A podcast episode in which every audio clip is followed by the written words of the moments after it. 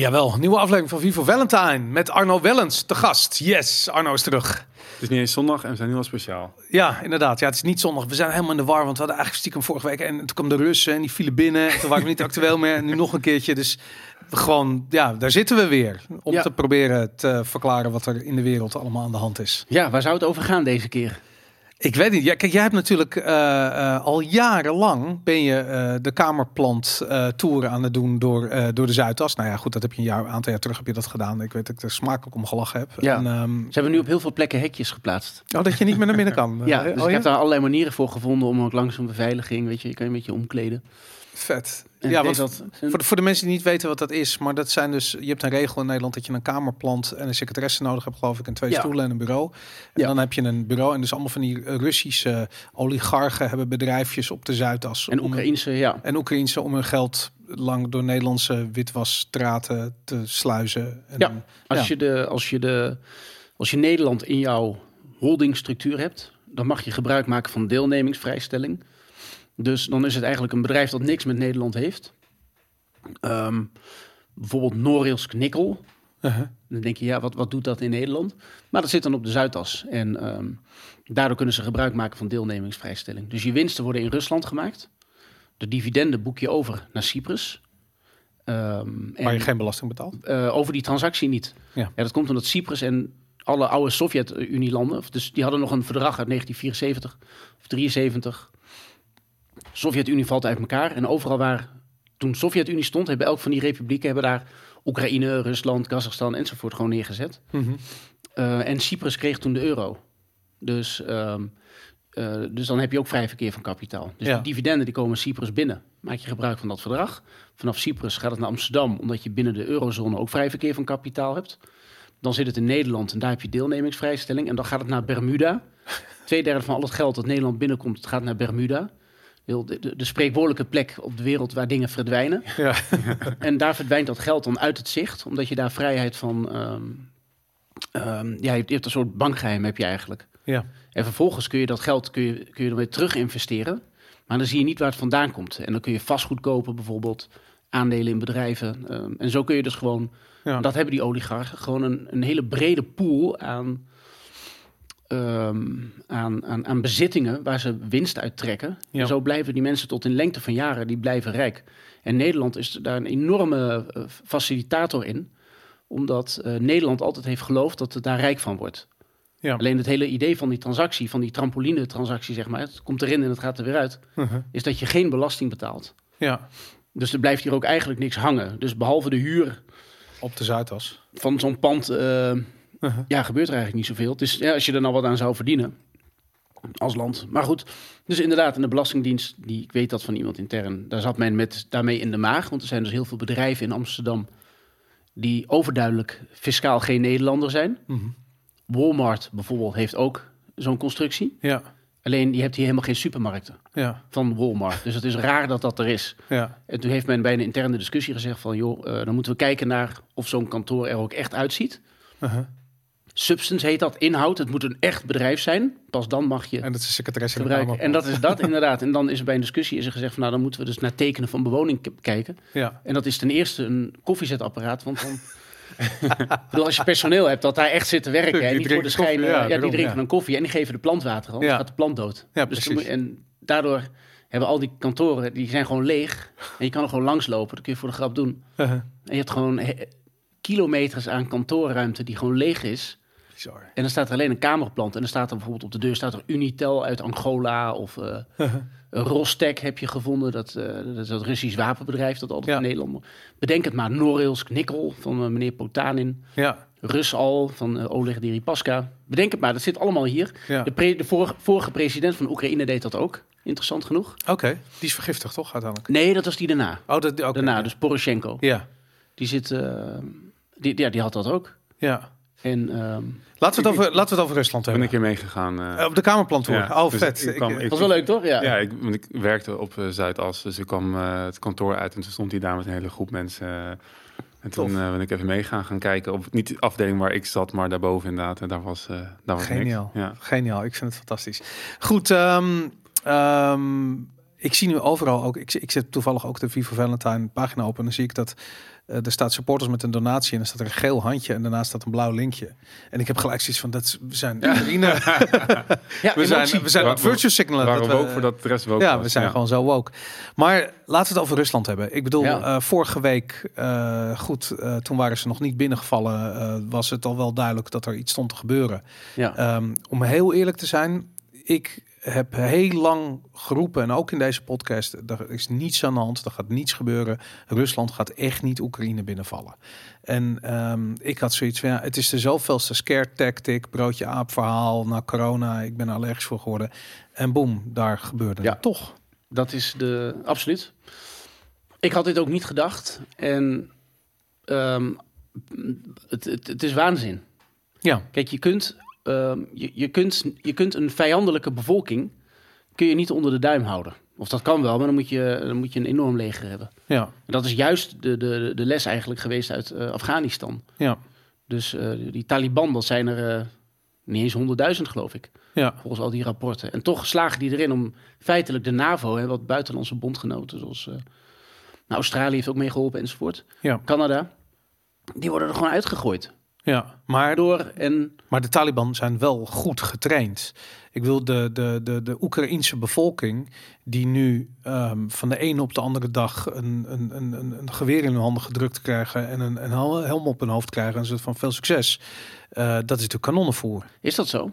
Die, ehm, kijk, O- Oekraïne heeft eigenlijk al, ehm, dus in 2014 was hun leger, hadden ze echt letterlijk maar een paar duizend man die in staat waren om te vechten. Oké, En voor een land zo groot als Frankrijk is dat best een schande. ja, daar komt ook het idee vandaan, denk ik, voor, bij Poetin. Dat je dan vrij makkelijk ergens een opstandje kan beginnen of weet ik wat. Of Ja. nu dat je er zo doorheen walst als je gewoon alleen al de deur binnentrapt en je rijdt naar Kiev. ja, eh, dat daar niks is. Alleen wat wel zo is, is dat, ehm, is dat zij eigenlijk op een beetje NAVO-achtige stijl hebben ze tegen die rebellen gevochten in die twee opstandige regio's. Mhm. En er zijn per keer, per lichting, zijn er tienduizenden mensen geweest per jaar ja, die aan zo'n rotatie meedoen. Dus die worden getraind. ja, Eh, die gaan daarna dan ja, in zo'n loopgraaf zitten en die, hebben, die, die ervaren de spanning. ja, Ook als er dan relatief weinig doden vallen in een rustige periode. Ja, de, hele tijd die spanning van wordt er over me heen geschoten. Af en toe gebeurt er iets. maar er zijn veel doden. Er zijn 15.000 doden Absoluut. gevallen in de Ja, afgelopen Dus zes dat, jaar. dus dat, gaat met, ja. dat gaat met schommelingen. Maar in, in wezen, elk jaar zijn er tienduizenden, eh, vooral mannen, ja, ehm, die dat meemaken. Die die spanning meemaken en die die training hebben. En die gewoon de hele dag ehm, paraat staan. hun- weten hoe ze hun wapen moeten bedienen enzovoort. En die gaan dan daarna naar huis. En eh, dan komt er een nieuwe groep van enige tienduizenden, tienduizenden. En dat, dat doe je zes, zeven jaar achter elkaar. ja, En dat betekent dat je een paar honderdduizend mensen hebt... die recentelijke mili- militaire training hebben gehad. ja, En als je daartegen gaat vechten op hun grondgebied... ja, En als je het, dezelfde vergelijking zou maken bij Rusland.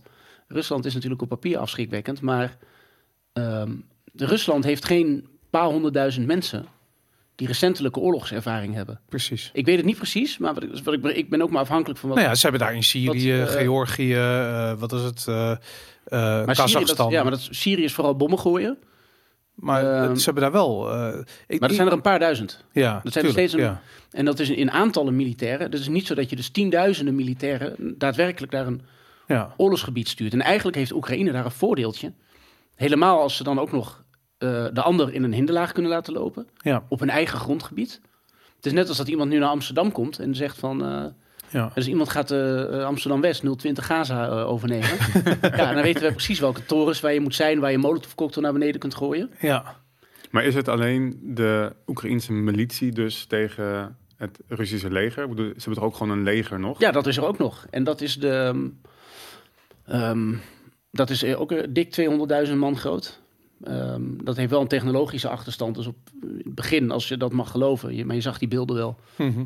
Ehm, er werden al hun radartorens en dat soort dingen, communicatiesystemen werden kapot gegooid. ja, Maar niet helemaal. Ze hebben nog wel drones die toch nog wel een beetje vliegen. Van die Ja. Turkse Bayraktar drones. Ja. Die ook in Syrië heel... eh, extreem effectief extreem, in eh, Azerbeidzjan. eh, eh, ja. ja, zeer effectieve kringen zijn dat. En dat, dat doet het nog wel. ja, Ik snap niet waarom.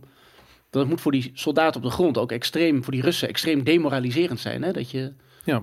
Dat die het nog wel doen. Nou, en het probleem is dat, dat een ontploffing op een weg. En ik, ik bedoel, ik, ik, ik, ik ben er een keertje geweest. Er zijn niet veel snelwegen daar. Alles zijn die twee baans provinciale wegetjes of weggetjes. Als daar een eh, aanval plaatsvindt op een of andere konvooi en er staat allemaal rotzooi op de weg en Ja. uitgebrande vrachtwagens, dat betekent dat iedereen gewoon heel erg lang in de file gaat staan. Ja. En dat zie je denk ik ook gebeuren. Ik weet het niet, maar Je ziet het gebeuren en dan Ja. ga je je afvragen, wat de fuck doe ik hier? ja, Uh, excusez le mot, eh, als iemand dat in het Russisch kan vertalen, graag. ja, Eh, je water raakt op.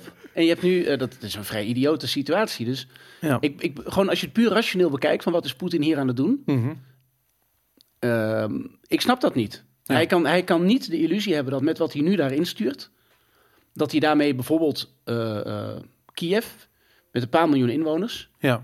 er zijn natuurlijk veel weg, maar dan nog, dat, je, dat als dat vijandig is, dat je dat met enige tienduizenden militairen, dat je dat Maar Wat is zijn doel? de... Ja. ehm, dat, dat, dat, dat, dat verbaast mij werkelijk. En Want hij vraagt om een, om een eh, regime change. Dus, Ja. Maar goed, ik heb ook begrepen dat eh, de, de meeste ehm, Oekraïners, behalve de mensen in het oosten, gewoon zijn, hun president of de regering Ja. steunen. Dus als jij daar naartoe gaat en je haalt die lui weg en er komt een nieuwe regering en je gaat weer weg, ja, dan, ja, dan ga je dat niet erkennen. Dus niet- dan zou die, nee. dan zou die Zelensky, die zou zich dan met zijn getrouwen eh, aan de westkant van die, de Dnieper, de Dnieper kunnen terugtrekken. En dan heb je daar gewoon een, een zeer langdurige Mhm. eh guerrilla-oorlog.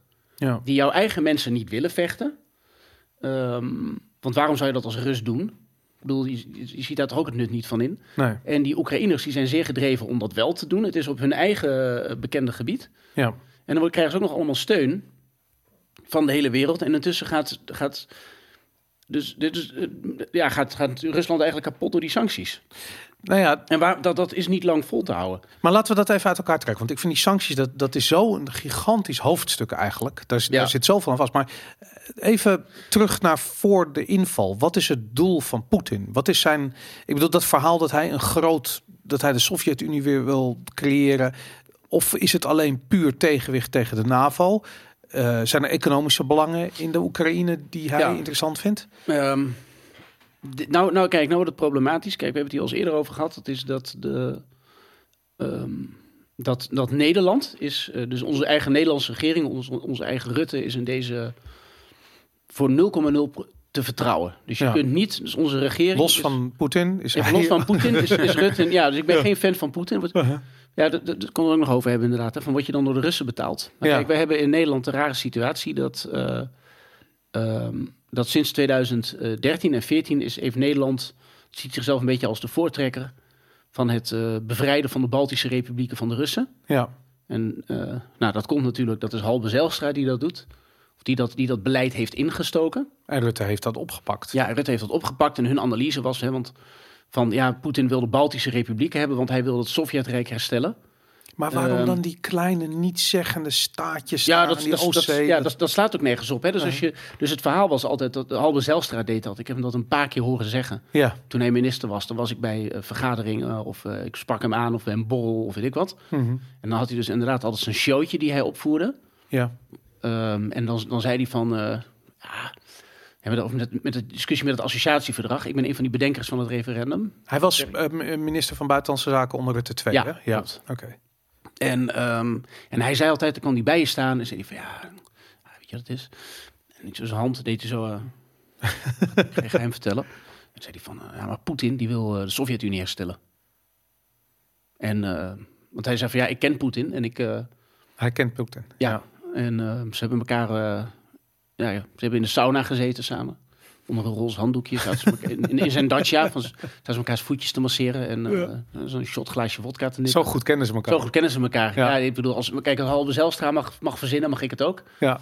En dan heb je het al snel over de wereldheerschappij. Absoluut. natuurlijk, En als Poetin ja. daadwerkelijk van plan is om een invasie op NAVO-gebied te doen, dan vertel je dat ook gewoon. Zeker een halbe, ja, ja zeker. En het- de Halbe Zijlstra, dat is natuurlijk gewoon de man. Maar hij was toen HR-miep bij Shell. Ja. Even alle respect voor de, de HR-miepen, maar dat is gewoon een, een uitdrukking. Dat is eh, altijd zo'n geweldig mens bij de HR-afdeling. Meestal Ja. vrouwen inderdaad. En die zorgen dat het helemaal fantastisch met je gaat. Die kijken Heel van, hey, is jouw stoel eh, is dat wel ergonomisch verantwoord? Eh. Neem je vakantiedagen op, Arno, want anders kun je bij, volgend jaar bij je kwijt. Ja. Ehm, fietsregeling, weet je, dat, dat doet de HR-persoon. En hij deed dat bij Shell. Oké. En in de hoedanigheid van HR-medewerker van Shell... ehm, Heeft mocht Poetin hij, hem dat heeft- verteld? heeft Poetin hem dat verteld. Ja. En ik, ik voel mezelf ook echt idioot dat ik daarin ben getuind. Maar elke Nederlandse journalist is erin getuind, totdat twee van de Volkskrant... Die zijn toen daadwerkelijk naar Poetin gaan bellen van... Oké. eh, ja, hoe ging dat met die eh, sauna-setting? En was dat een happy ending enzovoort? Oh, het sauna-verhaal is dat verzin je niet te Nee, plekken. dat jawel, dat vind ik wel plekken. Maar de, rest wel. Ja, kijk, a dirty mind is a joy forever. Ik Ja. bedoel, wat, wat ik zei, als ik dingen mag verzinnen, dan... eh, of als, als Halbe Zijlstra dat mag, mag ik dat ook. Ja. Toen is uitgekomen dat dit gewoon een totale leugen was. En ehm, dat hij dat had verzonnen, toen moest Halbe Zijlstra aftreden. Oké. En wat Zijlstra altijd deed, hij zei van... Nou, als ik, als ik dan... Ja, ik zit dan weer met Poetin, want... eh ja, zijn beste mate. Dat doen ze elke dinsdag. elke 12 uur. dinsdag. Ja, Ja, daarom. zo, ja, ik was laatst weer bij Poetin en. ehm, Hm.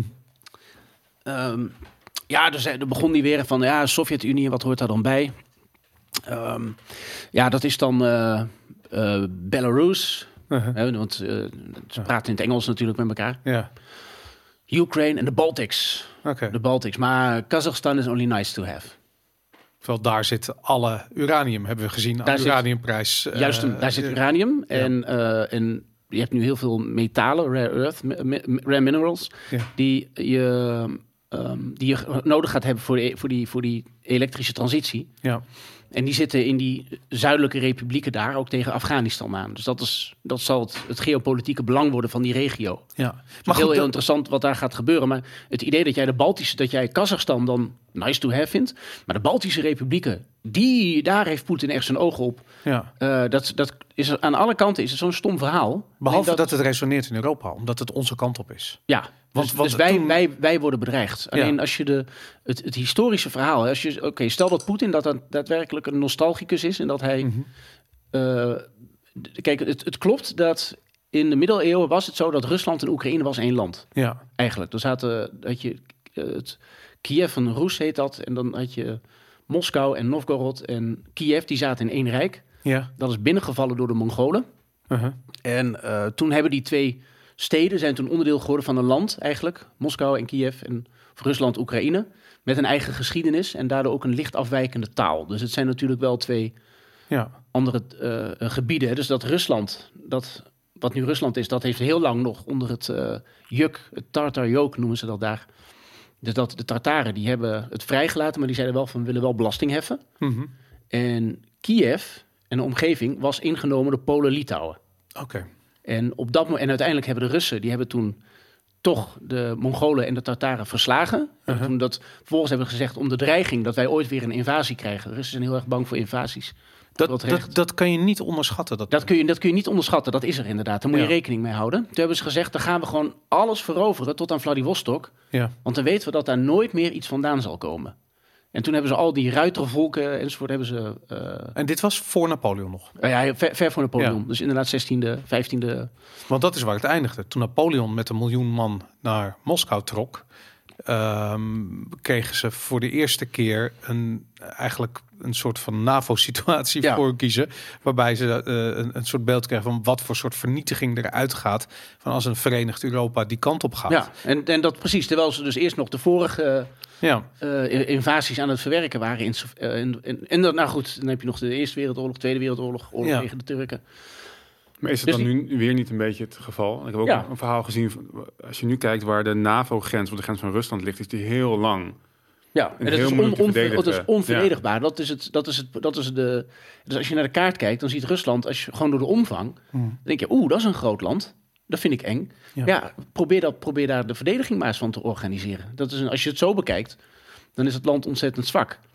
En, dat, en als je zegt, nou goed, Poetin wil dan Kiev en Moskou in één rijk hebben, want dat was de situatie voor de Mongoolse invasie. Ja, als, als dat het verhaal is, hè, dan, dan kun je zeggen, ja, eh, doe even gewoon een nieuwe tampon in. Ga je gedragen, respecteer die mensen hun vrijheid. Ik bedoel, ja, Ja. je kunt de geschiedenis niet... Uh-huh. Kijk, op dezelfde manier zijn Nederland en België zijn ook eigenlijk hetzelfde volk, maar dan door Ja. de geschiedenis een beetje uit elkaar geduwd. ja. Daar is dat ook. Eh, Daar ga je geen, daar ga je geen bommen op, eh, op woonwijken voor gooien. Dat, Ja. Ik denk dat iedereen het erover eens is. Alleen, Maar, maar even los van het lulverhaal van Halbe, heeft hij het zelf toch ook benoemd dat hij, dat hij daar iets in zit? In, in zeg maar, het herstellen van, van eh, de Sovjet-Unie? ik durf dat, ehm, ik durf dat zeer te betwijfelen. En ik Hm. vraag me ook echt af of je dat... ehm, eh, kijk, voordat je daar beleid op gaat voeren... en Nederland doet dat al, hè? Mhm.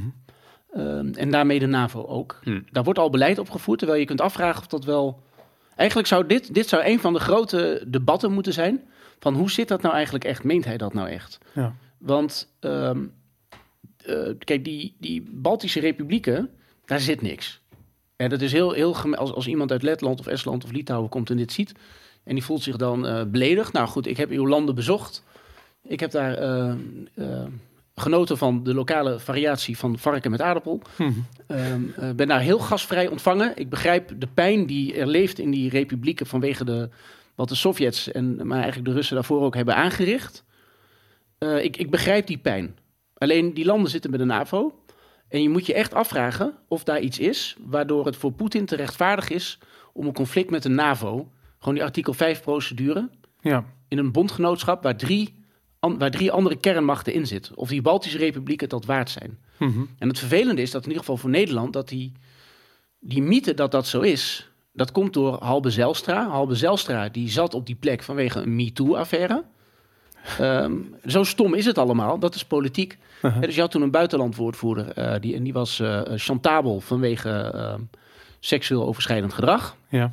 En dat was een, een kei, is het, in buitenlandervaring. Die weet alles, heeft alles gelezen, echt inhoudelijk hand en broeken. Ja. Die is fantastisch goed. Ja. Maar die had dus een. eh, die was chantabel, kon daardoor geen minister van Buitenlandse Omdat Zaken hij worden. aan iemand heeft gezeten. klopt. Dat, is dat in de pers gekomen? Ja, ja, hij is later, hij is jaren later is hij daarvoor afgetreden. Oh, ook als. Kamerlid.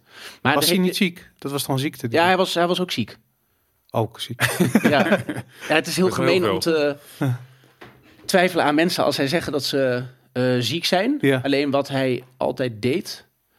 ehm, ja, het is pijnlijk omdat hij. Kijk, ja, je, je weet dat. Je, je kent mijn eh, eh, liefdesleven ook. Ik had hiervoor een relatie met een dokter. En die zei van. Ja, de ziektes die hij noemt, waardoor hij geen minister kan worden, die heeft hij niet. Ja. En dat is wel echt typisch hoe Rutte werkt. Hè? Dus dan zit hij in zo'n zaaltje Ja. met zijn, met zijn, gewoon de, de- met zijn staf, met, met, de, met de parlementsleden Ja. en zijn regering. En dat, dat loopt door elkaar. Hè? Het is niet zo dat, dat de parlement de regering controleert. Dat is gewoon de Maar, VVD. maar nog he- heel even terug. en ja, en ze, wat ze toen hebben gedaan, ze kwamen er toen achter dat Hand en Broeke, die had die MeToo- MeToo-achtige situatie, waardoor die chantabel was. Ja. En toen zeiden ze, potverdikkie, dat moeten we niet aan de grote klok hangen. Ja. Dat gaan we wegmoffelen. Ja. Want zo doet Rutte dat. Ja. Wij gaan Halbe Zijlstra naar voren schuiven. Oké. Alleen Halbe Zijlstra, dat is iemand die zich, ja, met alle respect, maar een beetje omhoog heeft gelikt. Zoals het hele kabinet. Ja, hij, kan, eh, ja, met al, Ja. nogmaals alle respect voor de HR-medewerker. Ja, ja, ja. En eh, deze stoelen eh, zitten. Klinkt helemaal als kabinet. Rutte. De- dus wat ja. dat betreft. Ja. want dat, is- dat is hij zelf ook. Ja. Maar hij, dat is geen minister van Buitenlandse Zaken. En toen hebben ze de leugen bedacht dat Halbe Zijlstra Poetin kent. En dat Poetin had be- be- besloten dat hij de Baltische Republieken. En daarom hebben, ook- is hij de juiste man op de juiste plek. Want ja, hij, want hij begrijpt het risico enzovoort. Maar ja. dat is dus helemaal niet waar. Nee. Oké, duidelijk. En, Dus, dat, en het akelige is dat vervolgens Nederland. ehm, en dat begrijp ik ook van, van militairen, die vertellen me dat. Tenminste, van marechaussees. Ik, heb, ik schrijf Hm. veel over grensoverschrijdende criminaliteit. Ook nou, met die sancties, met die Russen op de Zuidas. ja. Criminaliteit die daarbij hoort, die komt ook naar Nederland. Het is heel Ja. om te denken dat dat niet zo is. Dus ik ken heel veel marechaussees. En die, op een gegeven moment zijn er een aantal die moeten naar Rusland. Of tenminste, die moeten naar, naar Litouwen Ja. met het leger. Omdat daar, er wordt daar daadwerkelijk een Russische invasie tegengehouden.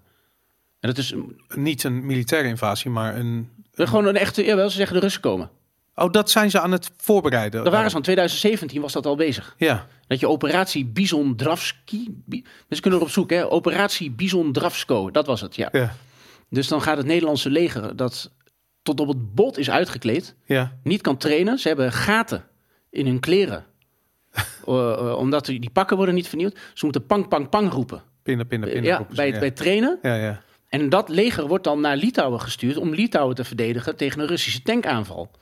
Alleen, en dat is dus het stomme, dat die, ehm, dat die, die militairen die zitten daar, die hebben geen, eh, ehm, die hebben geen tanks, want die tanks zijn wegbezuinigd. Ja, lichte wapens. Dat... Ja, alleen lichte wapens. Als daar ooit, ja, als er ooit een tankoorlog of iets zou gebeuren en jij met de enige gezonde tanks, ja, dan heb je volgens mij een probleem. Dan, dan, Ja. dan, maar dat is een soort middelvinger die Nederland daar dan neerzet Ja. omdat wij daadwerkelijk denken dat Rusland Litouwen gaat aanvallen. Ik zou Ja. Nou ja, maar en, en als ze het daadwerkelijk zouden doen en die Nederlanders die daar, eh, die paar honderd Nederlanders die daar gelegerd zijn, die sneuvelen of de sneuvelt ja, die zijn in weet 10 ik wel. seconden zijn die weg.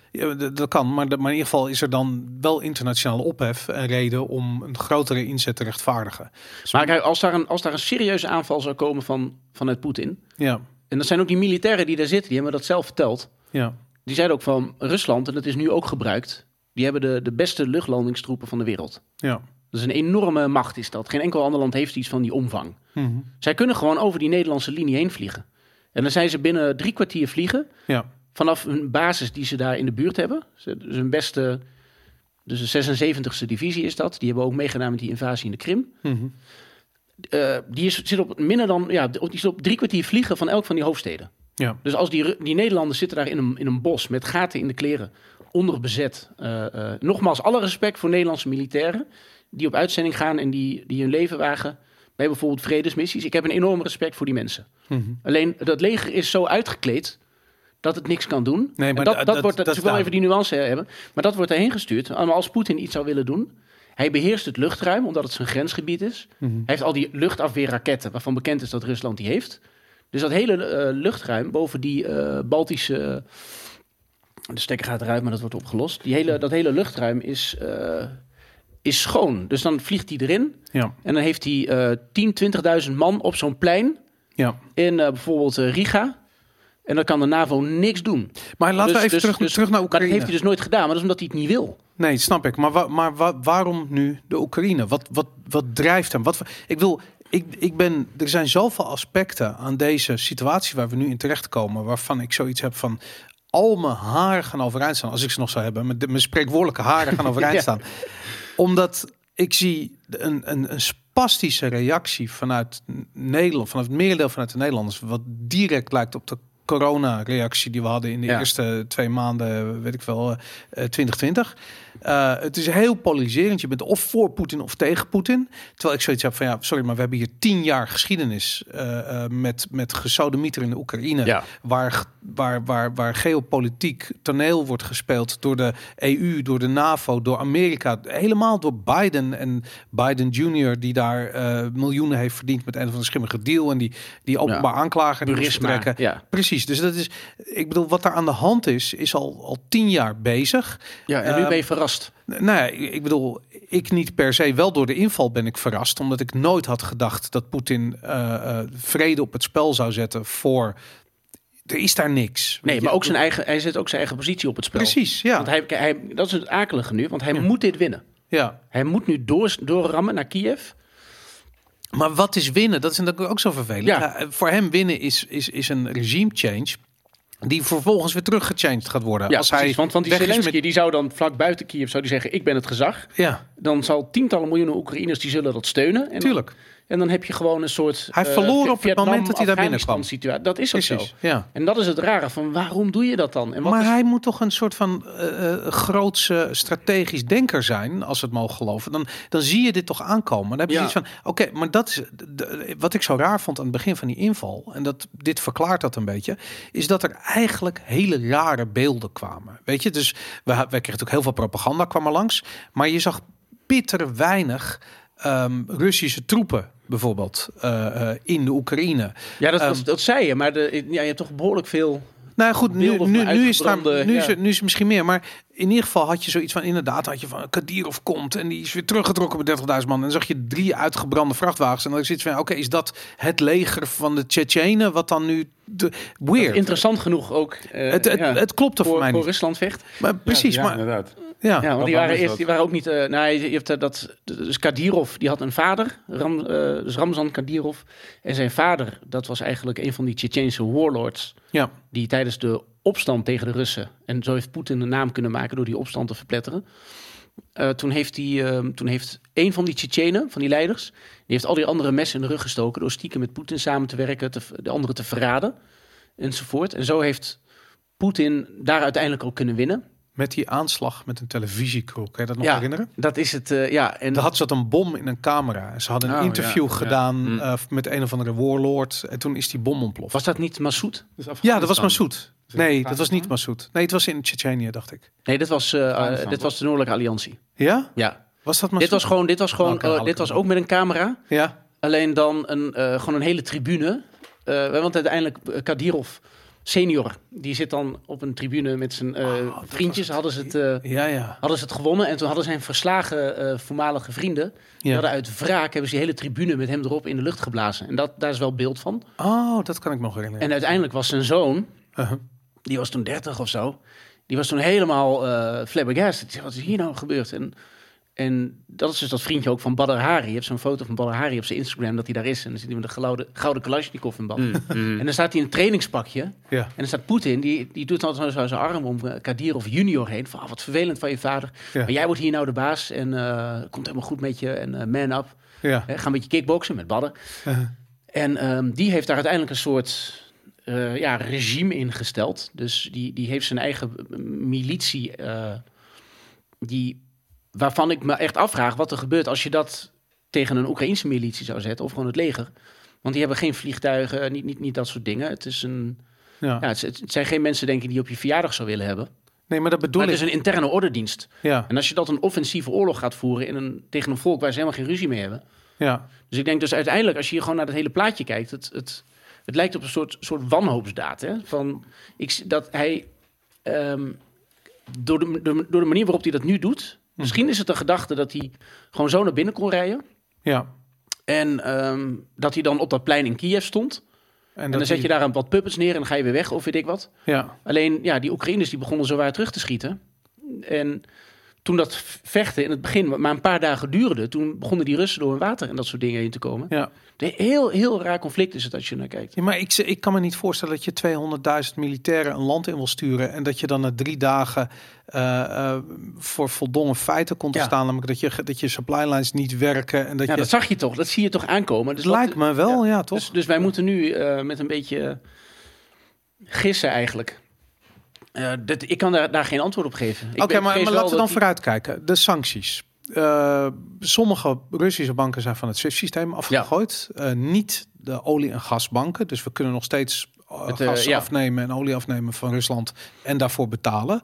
Je moet je voorstellen, denk ik, dat op het moment dat alle banken van het SWIFT-systeem afgegooid worden, er ook geen olie en gas meer naar Nee. Europa komt. Klopt dat? Ja, dus dit is een serieuze Ja. sanctie. En Maar- gaan maar- wij hier ook merken. Maar dus aan de andere kant, wij gooien de deur dicht. Of wij, ja, de Europese De Unie, Europese Unie, de EU gooit de deur dicht. Wetende dat er ook van die kant dingen door die deur heen moeten komen. Ja. meteen, waar wij heel veel last van gaan krijgen. Ja, Dat is toch Fin- raar? Finland, Finland is bijvoorbeeld voor 100% bijna afhankelijk van Russisch gas. Ja. Dus als dat afgesloten wordt, dan staat het land in de kou. Wij gaan in januari volgens mij de, de hele, hele Groningse gaskraan dichtdraaien. Voor zover ik weet. Nou, misschien moet je dat... eh, Misschien ik kan, kan me zo voorstellen, voorstellen dat dat wordt heroverwogen. Ja, dat lijkt me ook. Ehm, maar ja, dit, dit, die, wat je nu krijgt met die sancties... ehm, uiteindelijk zal Poetin, die zal, kan zijn spullen, ook zijn gas... kan hij verkopen aan China. Ja, Dus hij zal toch wel aan zijn geld komen. Ehm, op korte termijn zal de levensstandaard inderdaad van, van Oekraïners of van Russen behoorlijk verslechteren. Waar ik bangst voor ben, is dat je hem uiteindelijk dat je in de handen van China drijft. En dat hij ook alle nucleaire technologie die hij heeft, dat hij die aan China verkoopt. ja, En dan heb je een, een ideologische vijand, ja. namelijk de Chinese Communistische Partij, die gewoon in, bewezen in staat is om een hele bevolking eronder te houden. Concentratiekampen heeft. Die heeft concentratiekampen en die heeft dan eigenlijk de militaire technologie van de Sovjet-Unie doorontwikkeld naar nu. En die kan daar dan uit putten. ja. En dat, was al een, een, dat is al een probleem, een, een, een discussie die al een tijdje gaande is. Denk je niet dat ze dat te lang hebben? Nee. Dus, de, dus een aantal hele essentiële systemen. Dus, eh, dus afweer van andermans eh, kernraketten, dat soort dingen. S-500 heet dat. Mhm. Eh, motoren, een aantal dingen. Daar zijn de Chinezen eigenlijk nog niet helemaal. Maar als ze inderdaad, maar economisch zijn ze veel groter dan, dan, dan Rusland. Ja. Factor 6 of zoiets. Als zij over die technologie beschikken. Ja, ehm, en je creëert een Russisch-Chinees bondgenootschap met Rusland als junior partner. ja, En uiteindelijk zal Poetin dat daar maar moeten slikken. ja, Ehm, dan, ik vraag me echt af of je de wereld hiermee een betere ja. plek hebt gemaakt. Want daar ga je heen. En ik, ik roep het eigenlijk al. Ja, het is stom als je zegt ik roep het een tijd. Maar ik ben een van die mensen. Ik heb in 2014 ook gezegd. We moeten dat associatieverdrag. Dat moet je absoluut niet doen. ja. Hè, dus je moet niet verder gaan met, die, met dat oprekken van die Europese Nederland Unie. die, eh, ja, en de meerderheid van de Nederlanders vindt dat ook. Uh-huh. Ehm, want daar, daar is het misgegaan. Hè? Ja, Uiteindelijk is, is Oekraïne gewoon opgezweept om het, om, om het tegen de Russen op te nemen. met, met een soort vals voorwensel, valse belofte van ja, als, het, als het echt misgaat, als het echt eh, warm begint te worden hier, dan helpen wij je wel. Maar dat Maar- is dus niet het geval. Maar je ziet nu wel heel veel verhalen over versneld toetreden tot de EU en een, een NAVO-lidmaatschap wat er aan zit te komen. Gaan ze daar nu dan wel werk van maken? Hoe, loos was strikt het? genomen, strikt genomen. Als je, nou, ook, het was loos. Het was een, en het is als, als, ik denk als je nu Oekraïne lid maakt van de NAVO, dan blaas je de hele NAVO op. Ja. Want dan is elke geloofwaardigheid eraf.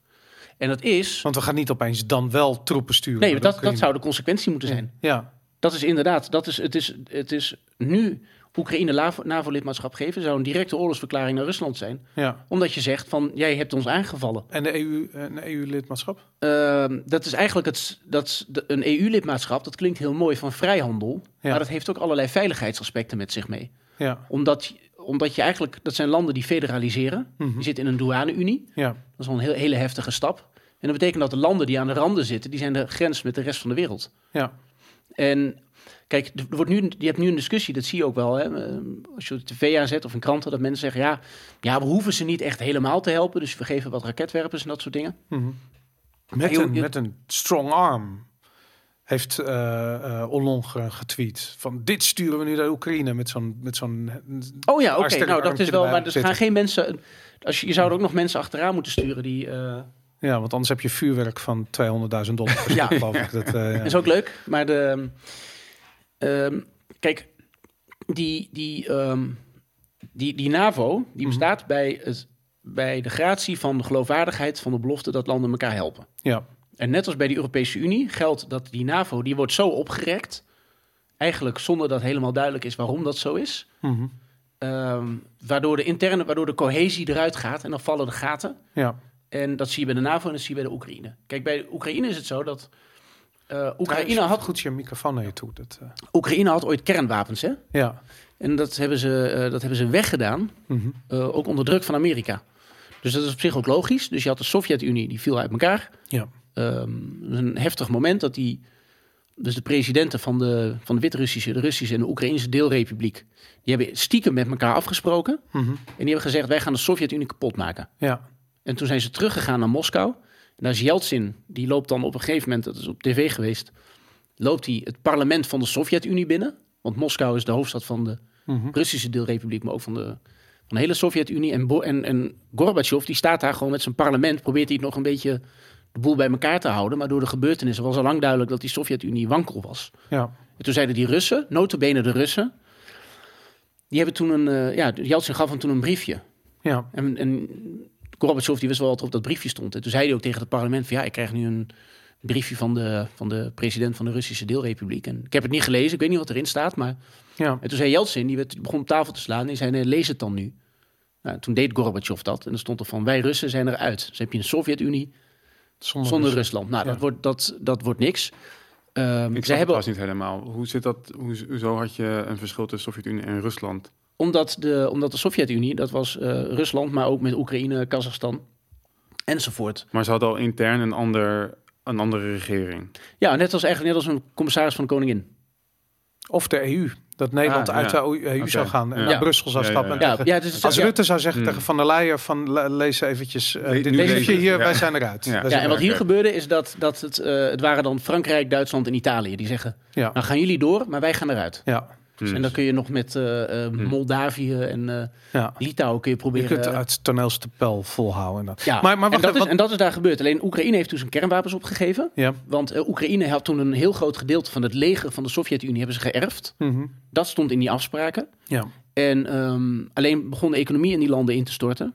En toen heeft Amerika besloten van wij gaan jullie kernwapens ophalen Ja. om te voorkomen dat er ongelukken gebeuren. Mhm. Want je kunt je zo voorstellen als je een land hebt dat nieuw is, onafhankelijk, wankel monetair systeem, eh, gedemoraliseerde dienstplichtigen die niet betaald krijgen, weet ik wat, een roestige hekken, er liggen allemaal kernwapens, Mhm. kunnen allerlei nare situaties ontstaan. Toen heeft Amerika gezegd, wij komen jouw kernwapens halen. ja. Alleen wist die regering van Oekraïne toen van als we ooit oorlog krijgen met eender wie, maar vooral Rusland natuurlijk, want dat is eigenlijk de enige Ja.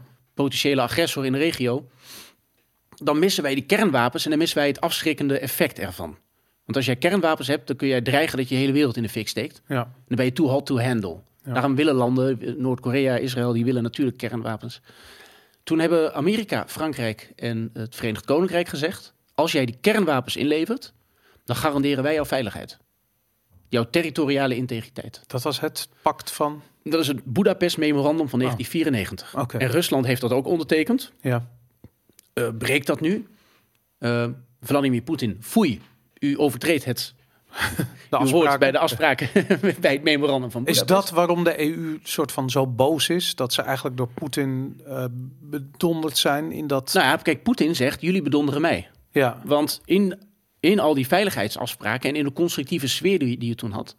Het was dus daadwerkelijk zo dat de, de Koude Oorlog, behalve de proxyoorlog die je dan in ja, Afrika enzovoort, bijvoorbeeld Angola had... maar in Europa, die eindigde zonder, of eigenlijk met heel weinig bloedvergieten. ja, De Sovjet-Unie heeft nooit daadwerkelijk via het Warschau-pact West-Europa aangevallen. en omgekeerd niet. En omgekeerd niet. Dat zou, je zou je kunnen voorstellen dat zoiets eh, eh, escaleert. Ja, Alleen die Sovjet-Unie die vreet zichzelf van binnenuit op. ja. En toen, hebben, toen had je op zich... eh, Waarom is dat? Omdat het, dat hele systeem werkte voor die mensen niet. Dus die Dat Russen, begrijp ik, maar, maar als je nu kijkt, hoe, hoe, hoe is Rusland anders dan in die Sovjet-Unie-tijd? ehm, nou ja, Ze hebben nog steeds ontzettend veel olie en gas. ja, maar die, die, op papier kun je zeggen... ja, de Sovjet-Unie, dat is toch echt een akelig regime. Uit het regime zelf. Het regime is weg. En Ja. ook die hele dreiging die daarvan uitgaat. Ik bedoel, Rusland is niet de Sovjet-Unie. Ja, Dat is toch echt de helft. ja, Ehm, dus die, die dreiging gaat eruit. Je had toen een periode dat eh Yeltsin en Bill Clinton... die konden het uitstekend met elkaar vinden. ja. Bill Clinton die greep alles wat los en vast zat. En Yeltsin was de hele tijd dronken. Dat gaf hele grappige tv-beelden. ja, ja, ja. Maar er was wel... Ik, ik heb hè, als, als twee, twee de leiders van, twee, van de twee grootste kernmachten op aarde... Dus ze kunnen samen het leven 30 keer op aarde vernietigen. Zoveel kernwapens hebben ze. ja. Ik heb liever dat die twee eh, een beetje dronken zijn en over vrouwen grappen en weet ik wat, dan, dan dat ze echt ja. Oorlog gaan voeren. Maar dat was die sfeer. En toen is er ook gezegd, NAVO gaat niet naar het oosten uitbreiden. Mhm. Ehm, Oekraïne geeft zijn kernwapens op. De Verenigde Staten, Rusland, of de Verenigde Staten, Frankrijk en Engeland garanderen de territoriale integriteit van Oekraïne. ja. Prima, zei Oekraïne. Dan kun je nu mijn kernwapens komen ophalen. Vliegtuigen erin, Ja. kernwapens eruit. En in 2014 is de Krim ingenomen. ja. Ehm, omdat daar een, ook een, een Russische marinebasis zat. Al- Maar als reactie op een, op een Op het associatieverdrag. En ja, Ja, nee, maar ook omdat daar, die, die, was dat Poroshenko die daar aan de macht kwam? Eh, die Ja, ja. eh, met de opstand en het Maidanplein en die sluipschutters die Ja. daar burgers neerknallen en he- alles, er zat een sausje, CIA-sausje overheen. Het was allemaal, Mhm. het voelde heel erg als een NAVO, in ieder geval als een Amerikaanse inmenging daar. ja heb juist hem. En, dan, en dat, is, dat is dus het akelige hieraan. Ehm, de, en kijk, dat is dus kijk, eigenlijk mijn grote bezwaar tegen het westerse beleid dat we nu hebben met betrekking Ja. tot Oekraïne. Eh, en wat je zei, hè, mensen zijn een beetje in de oorlogsmodus. We zijn niet meer heel boos op ongevaccineerden, maar we hebben nu Poetin. Ja. Iedereen heeft nu vlaggetjes met eh, I stand with Ukraine op zijn, eh, op zijn Facebook. Ja, ik kan het dus niet tegen. Ik ook niet, ik haat dat. ja. En, en ik weet dat het nu emotioneel is. En, eh, Ja, maar ik ga, ik ga het shit, toch, ik ga en toch ook zeggen. die, ja, mensen op Twitter dat ik denk van waarom is er nu opeens dat we na twee jaar lang propaganda en bullshit gaan we nu opeens deze achter Ja. deze propaganda en bullshit wagen aanlopen? Ja, want je had, het, je had dit al lang kunnen zien aankomen. In 2014, hè, Ja. dus het, in 2014 heeft Rusland de Krim geannexeerd. En toen zou eigenlijk het memorandum van Budapest in werking moeten treden. En dat betekent dat Amerika en Frankrijk en de Verenigde Staten samen... Waarom waren we toen allemaal niet zo boos? Omdat, omdat Nederlanders niet bereid zijn, Uh-huh. Westerlingen, maar ook Nederlanders niet. Ja. Voordeel voor Nederland is dat de keuze makkelijk is, want wij hebben geen leger. Dus wij kunnen Nou überhaupt ja, niks. nou, maar dit is niet waar, want we, we- weet je, we hebben luchtmobiele brigade, we die hebben geen de. Nee, maar die, die kunnen daar met, die worden daar gewoon door de, door de Duitsers en de en de, en de Ja, Belgen je zou. Oké, daar gedropt. weet je wat? Oké, laten we dat even. Oké, niet zo cynisch, Arno. Mhm. Ehm, Oké, je hebt. Die special forces van Nederland die zijn prima. Het zijn er Die- gewoon heel ja. weinig. Ja. En, en- Maar je zou in theorie kunnen zeggen. De eh, Amerika, Frankrijk, Verenigd Koninkrijk gaan daar met z'n drieën in. ja, Met hun, inderdaad, hun luchtmobiele troepen. Je zal dat soort Uh-huh. dingen moeten doen. ja, Want die zijn snel ter plekke. uh-huh, Die gaan flinke verliezen pakken. ja. Maar dan heb je wel ehm, gehandeld in de geest van het memorandum van Budapest. Want de territoriale integriteit van Oekraïne is jouw verantwoordelijkheid. Behalve dat we dan een, een, Alleen dat gebeurde dan toen niet. een derde wereldoorlog gehad in 2014. En dat was het niet waard. Nee, natuurlijk. En het is het vandaag de dag nog steeds niet waar. Nee, en dat is dus het akelige waar Oekraïne in zit. En dat vind ik, daar mag echt een flinke.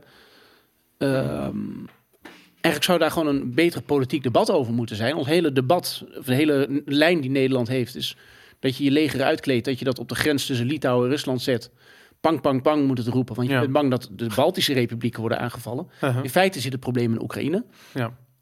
Als westerse landen Mhm. moeten verdragsre technisch, verdragsrechtelijk moeten ingrijpen om de soevereiniteit van, van Oekraïne te bewaken, dan Ja. zijn ze niet bereid dat te doen.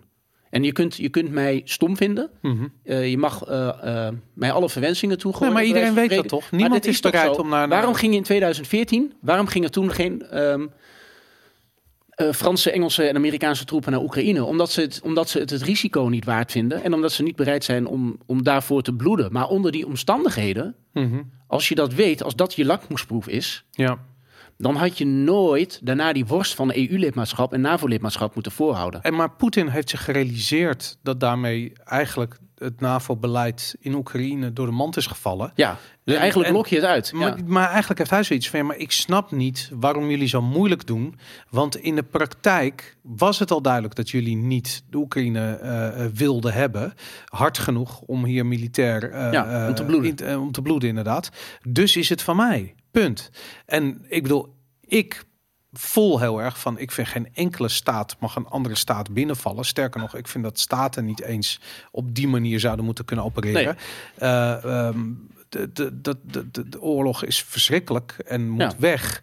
Ehm, en, en wat dat betreft heb ik, heb ik gewoon zoiets van ja, het is, het is krankzinnig dat dit soort toneelspelletjes. En dat, dat, dat, is het andere, dat is de andere kant die ik ermee heb. Is dat ik, ik vind de EU en vooral de l- politieke leiders van de EU eh, en ook in Nederland, ik vind ze zo ontzettend incompetent. Mhm. En eh, weet je, je kan.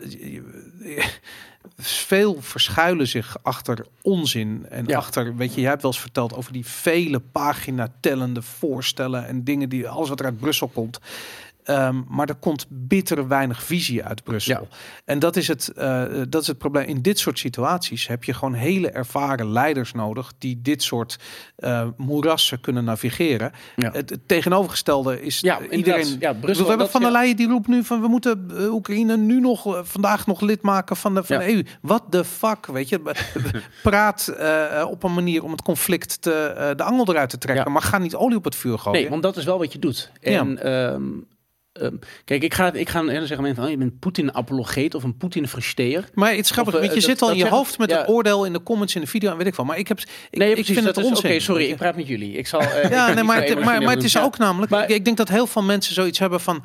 Fuck, we willen helemaal geen oorlog. Weet Nee, je, ik bedoel. maar het, het eigenlijk, maar kijk, het is precies wat jij zegt. Hè? Die, dus die Europese Unie, Mhm. die zegt, in, eh, die zegt van wij bieden jou het EU-lidmaatschap aan. Ja, En er werd gezegd bij die, bij die discussie over het associatieverdrag van eh, ja, dat is niet waar, want ehm, het is een vrijhandelsakkoord. En handel is alleen maar goed voor Nederland, maar dat is Ja. het niet. nee. Een associatieverdrag, of van het type dat Mhm. hier is gesloten. Een associatieverdrag is een open, overkoepelende term. Nederland heeft het ook met, de EU heeft het ook met Zuid-Afrika. Maar Zuid-Afrika komt natuurlijk nooit bij de EU. Alleen Ja. de, het type verdrag dat met Oekraïne is gesloten, is gewoon een toetredingsverdrag. En wat daar op het moment dat dat wordt besproken in het Europees Parlement, heeft het Europees Parlement op 17 ehm, juli 2014, motie 33 van die dag, is er ook uitgesproken van het associatieverdrag wordt getekend in de wetenschap dat het een voorportaal voor toetreding is. Oké. En als jij lid bent van de Europese Unie, Mhm. en ik zeg dat ook al, de mensen beseffen zich niet vaak hoe heftig het is wat er in Mhm. Brussel wordt besloten, Ja, wat daar de implicaties van zijn. ja. Eerder was het altijd zo, als ik ergens een presentatie gaf over iets van Europees recht, weeffouten in het verdrag van Maastricht, dan had ik echt 20, 30 hardcore fans van mij die dan kwamen. Mhm. Maar nu zijn het, zijn het zalen met honderden mensen, omdat ze nu van Ja. alles zien gebeuren. Maar dat, dat was al gaande. En als jij een associatieverdrag tekent, waarbij Oekraïne tot jouw douane-unie wordt toegelaten, Mhm. want dat is wat erin staat, dan moet Oekraïne ehm, specifiek verbieden of zichzelf onmogelijk te maken om ooit nog een soortgelijk verdrag met iemand anders te sluiten. Ja, Dat staat in artikel 38 lid 2 van dat met lid 1 van dat eh, associatieverdrag Rusland. dus. met Rusland. Ja. En kijk, het punt is, het is geen vrijhandelsakkoord. Het is een toetreden tot een douane-unie. Mhm. En die douane-unie die heeft vrijhandel in zichzelf. ja. Maar die heft wel tarieven tegen de rest van de wereld. En dat betekent dat een land dat in een douane-unie komt en aan de rand zit, Mhm. dus het gebied wordt groter, aan de, dan wordt de externe grens van Oekraïne in dit geval, dat wordt de grens van elk van die andere euro. Ja, dat snap ik. Ja. Want al die landen, die douanes, moeten eigenlijk samenwerken als één. Ehm, en dat betekent dat als, ehm, stel dat er een vrachtwagen met Russische sigaretten, Mhm. die rijdt naar Oekraïne, want die wil ze daar verkopen, ja, dan gelden bij de grensovergang gelden de Europese regels. ja. Want daar zit de grens van de Europese Unie. Daar betreed je de Europese douane-Unie. Dus hij moet Dus- acht uur slapen en mag niet te veel rijden. Dat Ja. soort dingen. Ja, ja. Maar ook voor tarieven. Ja. Dus Oekraïne moet dan een heffing opleggen die door Brussel wordt betaald. Maar Oekraïne heeft geen parlementariërs in Brussel. En mag dus ook niet meepraten over hoe die tarieven werken. Mhm. Dus die moet het EU-beleid uitvoeren aan de Russische grens. Wetende dat binnen die grens, daar leven miljoenen Russen. ja. Er wordt altijd gezegd, Oekraïne is verdeeld. Nou, ja. Dan komt iemand anders en zegt nee, want het, de, Mhm. de mensen die zich niet met Rusland identificeren of Rus, ehm, ja, dat is geen meerderheid. Ja, Nou oké, ik geloof dat het, eh, laat het eh, 10%, 90% zijn. ja, Feit is wel dat een douane-unie, die heeft aan de randen een harde grens. ja. En de Europese Unie heeft toen, op, op dezelfde dag hebben ze eh, twee interessante dingen gezegd. Ze hebben gezegd, ja, Rusland hoeft zich niet bedreigd te voelen, Mhm. maar we gaan wel operatie Vestingmuur Europa uitvoeren. ja, ja, inderdaad. En operatie Vestingmuur Europa is dat er om heel Oekraïne heen, waar het niet de Europese Unie raakt, Uh-huh. komt een, een hek met aan beide kanten een slotgracht. Ja. Dat is de Rampart, Operation Rampart Europe. En dat is omdat daar de grens van de Europese Unie zit. En die gaat recht door dat gebied waar die Russen wonen. Maar dit, wacht even, ditzelfde. Die, die, je hebt die hekken ook tussen, en die, dat heb ik nu net gezien, mensen die allemaal de grens over willen met Polen, wat niet lukt, omdat die hekken dus over de volledige grens tussen Oekraïne en Polen staan. Ja, dat heeft Oekraïne heeft dat, eh, of Polen heeft die ook nog Mhm. eh, recentelijk eh, ehm, ehm, versterkt. Maar het is de bedoeling dat vanaf 2014 tot 10 jaar gaat dat allemaal weg. Ja, Dus ik had ook al gedacht dat ze al weg zouden zijn. maar niet dus. Maar in wezen, die, Ja. die, Oe- die Oekraïners die kunnen trouwens visumvrij reizen naar de Europese Unie als ze dat willen. Mits ze hun prik hebben. Eh, ja, goede vraag hoe dat, hoe dat zit. Ik neem Ja. aan dat, maar inderdaad, als mensen zeggen ik wil Oekraïnse vluchtelingen opvangen Ja, in mijn huis, dat kan heel simpel. Eh, Ja. Je geeft ze een busticket en ze staan op de stoep en eh, doe dat vooral als ze echt ontheemd zijn. Maar dat is de consequentie, dat is de heftigheid van zo'n associatieverdrag. ja. Nu heeft de Europese Unie heeft een gemeenschappelijk veiligheidsbeleid. Zo heet dat. Mhm. En dat is, dat is omdat die landen die hebben open binnengrenzen met elkaar. Dus die voeren een gemeenschappelijk veiligheidsbeleid. En dat zijn allemaal NAVO-landen. Bijna allemaal. Dat is Ja. bijna één op één is dat het geval. Uh-huh. Dus Rusland ziet dat als een bedreiging. Ja, En om heel eerlijk te zijn. eh, kijk, ik ga niet zeggen dat Rusland het recht had om Oekraïne binnen te vallen. nee. Maar als je Alles na de maar, alles Als je- voor de maar telt niet, hè? Eh, eh, Oké, eh, nee, oké, maar een weasel word is dat. Maar als je tegen Rusland zegt... ehm, Rusland heeft ook een... Die marinebasis op de Krim... Ja, die komt dan achter dat hek te liggen. ja. Maar het is raar, want het was al hun marinebasis ook voordat ze Ja. Sebastopol binnenvielen, of hoe die stad ook heet. Ja, En dat is, maar dat is dus het akelig wat hier gebeurt. Dus de Europese Unie zegt... wij gaan Oekraïne eigenlijk er helemaal bij trekken. ja, Wij gaan een hek bouwen... waarbij alles wat daar gebeurt... valt onder het Europese gemeenschappelijk veiligheidsbeleid. ja. Dat wordt nauw met de NAVO afgestemd. Dat hek staat op één punt op 400 kilometer van Moskou. Daarachter ligt die marinebasis. De enige marinebasis die Rusland heeft in een warmwaterhaven. ja. Dus die andere twee die kunnen ze de helft van het jaar niet gebruiken. En dan verwachten we dat dat geen geweld gaat opleveren. ja. En zodra er wel geweld is, Oké, de eerste maar dat reactie, we laten je vallen. We weten, de rest is geschiedenis. Eh, Ja. Het levert Maar dan lok je het op. toch uit. Ja, in mijn ogen is het ook uitgelokt. Maar aan Ja. de andere kant heb ik ook zoiets, en dit is ook weer een kwestie van na de, na de maar. eh, het, het, het, het, vrij- het pleit Rusland niet vrij. Nee, absoluut dat, niet. dat ze nu eh, eh, eh, ja, eigenlijk een bevolking aan het terroriseren zijn die daar niet om gevraagd heeft. Nee, daar, daar zijn we het helemaal, daar zijn we het helemaal eens. Daar kan geen maar maar laat, laat, laten we even naar de toekomst Maar, maar, kijken. je, maar je zegt dus wel tegen Oekraïne van Hmm. je komt bij ons. Ehm, ga, ga maar een beetje in opstand komen tegen die Russische beer. ja. En als het daadwerkelijk heet wordt, dan laten die Oekraïners vallen als een baksteen. Los van de EU heb ik het idee dat we wel degelijk toe aan het groeien waren naar een, een soort van gevoel van Europees, een Europese identiteit. En daar horen de Russen ook bij. En ik heb vrienden in, Russen, in Rusland, ik heb vrienden in Oekraïne. En als ik hoor eh, hoe hun, wa- waar hun kinderen gaan studeren. Dat is over het algemeen in West-Europa. Ja. Als ik zie waar ze gaan werken, dan is het in, weet ik veel, in, van Polen tot Nederland tot Frankrijk, whatever. Ze kunnen overal naartoe. Het idee dat nu daar, dat er een nieuw ijzeren gordijn komt en dat we een nieuwe koude oorlog krijgen, niemand zit erop te wachten. Nee. In, in. West-Europa niet en in voormalig Oost-Europa ook niet. Poetin zit er ook niet op te wachten. Ik bedoel, zijn dochter van nota bene in Leiden. Weet je, weet Ja. je hoe vaak hij in Nederland komt? Weet je, ik bedoel, dat, dat, dat is geen officieel staatsbezoek, maar hij komt gewoon wel eens zijn familie opzoeken. Ja. En ik, ik heb gewoon zoiets van, ja, het is raar dat we opeens met een soort van, weet ik veel, jaren tachtig eh, eh, realiteit geconfronteerd worden.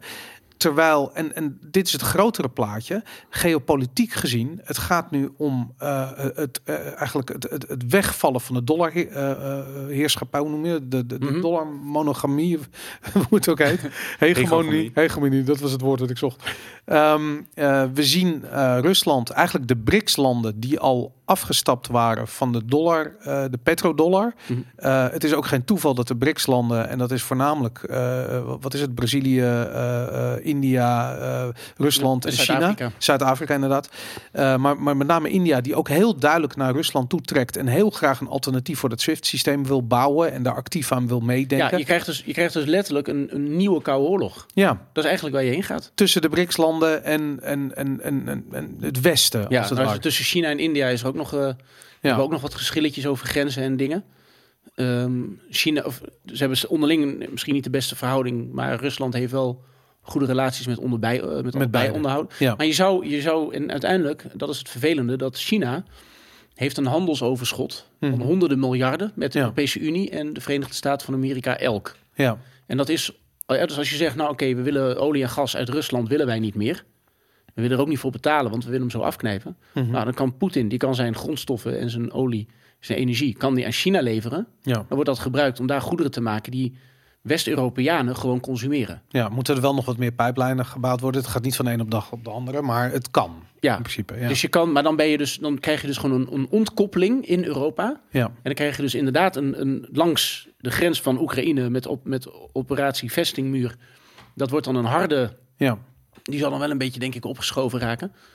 Maar dan krijg je dus gewoon letterlijk een, een muur weer door Europa. Alleen is de muur nu Uh-huh. ietsje naar het oosten opgeschoven. Maar die, die, d- d- dat idee, die muur, die vindt, d- er is ook een monetaire muur. En dat is namelijk doordat SWIFT, door die Ja. banken van SWIFT zijn gegooid. eh, ook daar geldt, als je een deur dichtgooit, betekent dat er aan twee kanten geen geld meer doorheen kan komen. En eh, eh, het, de SWIFT was een oplossing voor het probleem dat dat interbankaire eh, settlements, dat dat dagen, zo niet weken duurde. Ja. En SWIFT fixt Ja, ik ken dat. het als ik heb in een bankwezen ook gewerkt en ik weet dat. Je kan boom, je kan. Ja. hè, dus als twee mensen dezelfde transactie inleggen, maar dan het tegenovergestelde, Mhm. dan is die meteen rechtsgeldig en dan kun je een pakket aandelen of ja. dat deed ik toen. Kun je dan gewoon doorverkopen. Maar goed, nu zie je, er gebeuren nu twee dingen. SWIFT wordt platgelegd. Dat betekent dat het interbankaire verkeer tussen zometeen eh nu Rusland en de rest van de wereld, maar zometeen, ik wil iedereen gaat vragen stellen bij de, bij de eh, geloofwaardigheid van het systeem. Dus iedereen gaat alternatieven bouwen in ieder Ja, geval. Want je kan het Eh, dus zo af. D- daarom. Ja. En vervolgens wordt ook nog eens een keer de tegoeden van de Russische centrale bank worden bevroren. Met andere woorden, als zij dan met dollars betalen voor eh, of betaald krijgen voor olie, dan kunnen ze die dollars kunnen ze niet meer verkopen, want dat mag niet meer. Nee. Met andere woorden, je wil niet meer die, die, die, die obligaties in huis hebben. Je wil niet meer die dollars hebben. Nee. Daar moet je vanaf. De, voor China hetzelfde. Dat is natuurlijk iets wat ze al, al dat is al een hele tijd geleden in gang gezet. Eh, ze zijn al die, die Ja, dat dollars van kan, dat kan nu een stroomversnelling eh, Precies. geraken. Ja, daar ben ik ook bang voor. En dan, dan maak je dat schisma. Dus dan is die, die, dat ijzeren gordijn is op, dan op allerlei manieren eh, Ja. eh, hard. Hè, dus je hebt nu... eh, het vliegverkeer is dan bijvoorbeeld ook stilgelegd. Mhm. Nou, dat zal dan betekenen misschien dat Russen die inderdaad hier willen zijn... Ja. werken, misschien na een jaartje of na, na een tijd weer terug gaan naar Rusland. Dus dat je op die manier culturele uh, Ik zag dat ze uitwisselingen... 15 uur nodig hebben om nu naar, vanuit Moskou naar Amsterdam te vliegen. Ja. En dat, ja, dus als je dat soort dingen moeilijker maakt, dan Ja. raken die mensen die het eigenlijk net, net als wat ik altijd zeg met corona, dat, Mhm. dat mensen uit elkaar werden ge- geduwd, dat ze, dat ze elkaar fysiek niet spraken. Ja. Dat ga je nu binnen een wat grotere bubbel doen, namelijk de, de, de Russische bubbel en de Ja. eh, en, en, en Europese. En dat, dat, dat, dat, die scheuring, dat, dat dreigt nu wel te gebeuren, ja. Maar wat als we nu even inzoomen op, op Nederland? We kijken heel erg naar de geopolitieke omgeving, Europa en NAVO. Maar wat zou Nederland nu in deze situatie moeten doen om eh, om hier beter uit te komen? Ehm, nou, ik, als, als ik moet. Wat ik hoop, ehm, en dat zou zomaar ehm, waarheid kunnen worden, dat is dat de, zeg maar de postmoderne sluimer, dus eigenlijk de complete stomzinnigheid waar Nederland in verkeerde,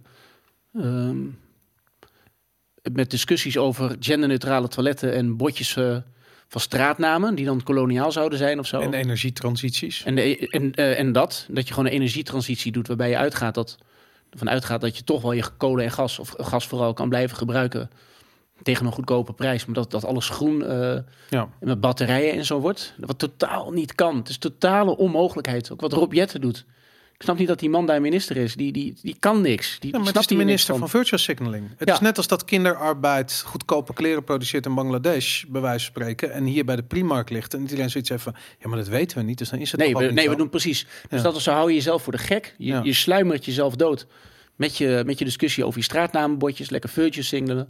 Je, je leger ehm, bezuinigen helemaal kapot, waardoor je op korte termijn daadwerkelijk ook echt niets kan doen eigenlijk, of bijna niet. Ehm, daarnaast heb je een Europese Unie die uitbreidt op allerlei manieren en het alleen maar moeilijker maakt en voor allerlei nieuwe conflicten eh, Hm. zorgt.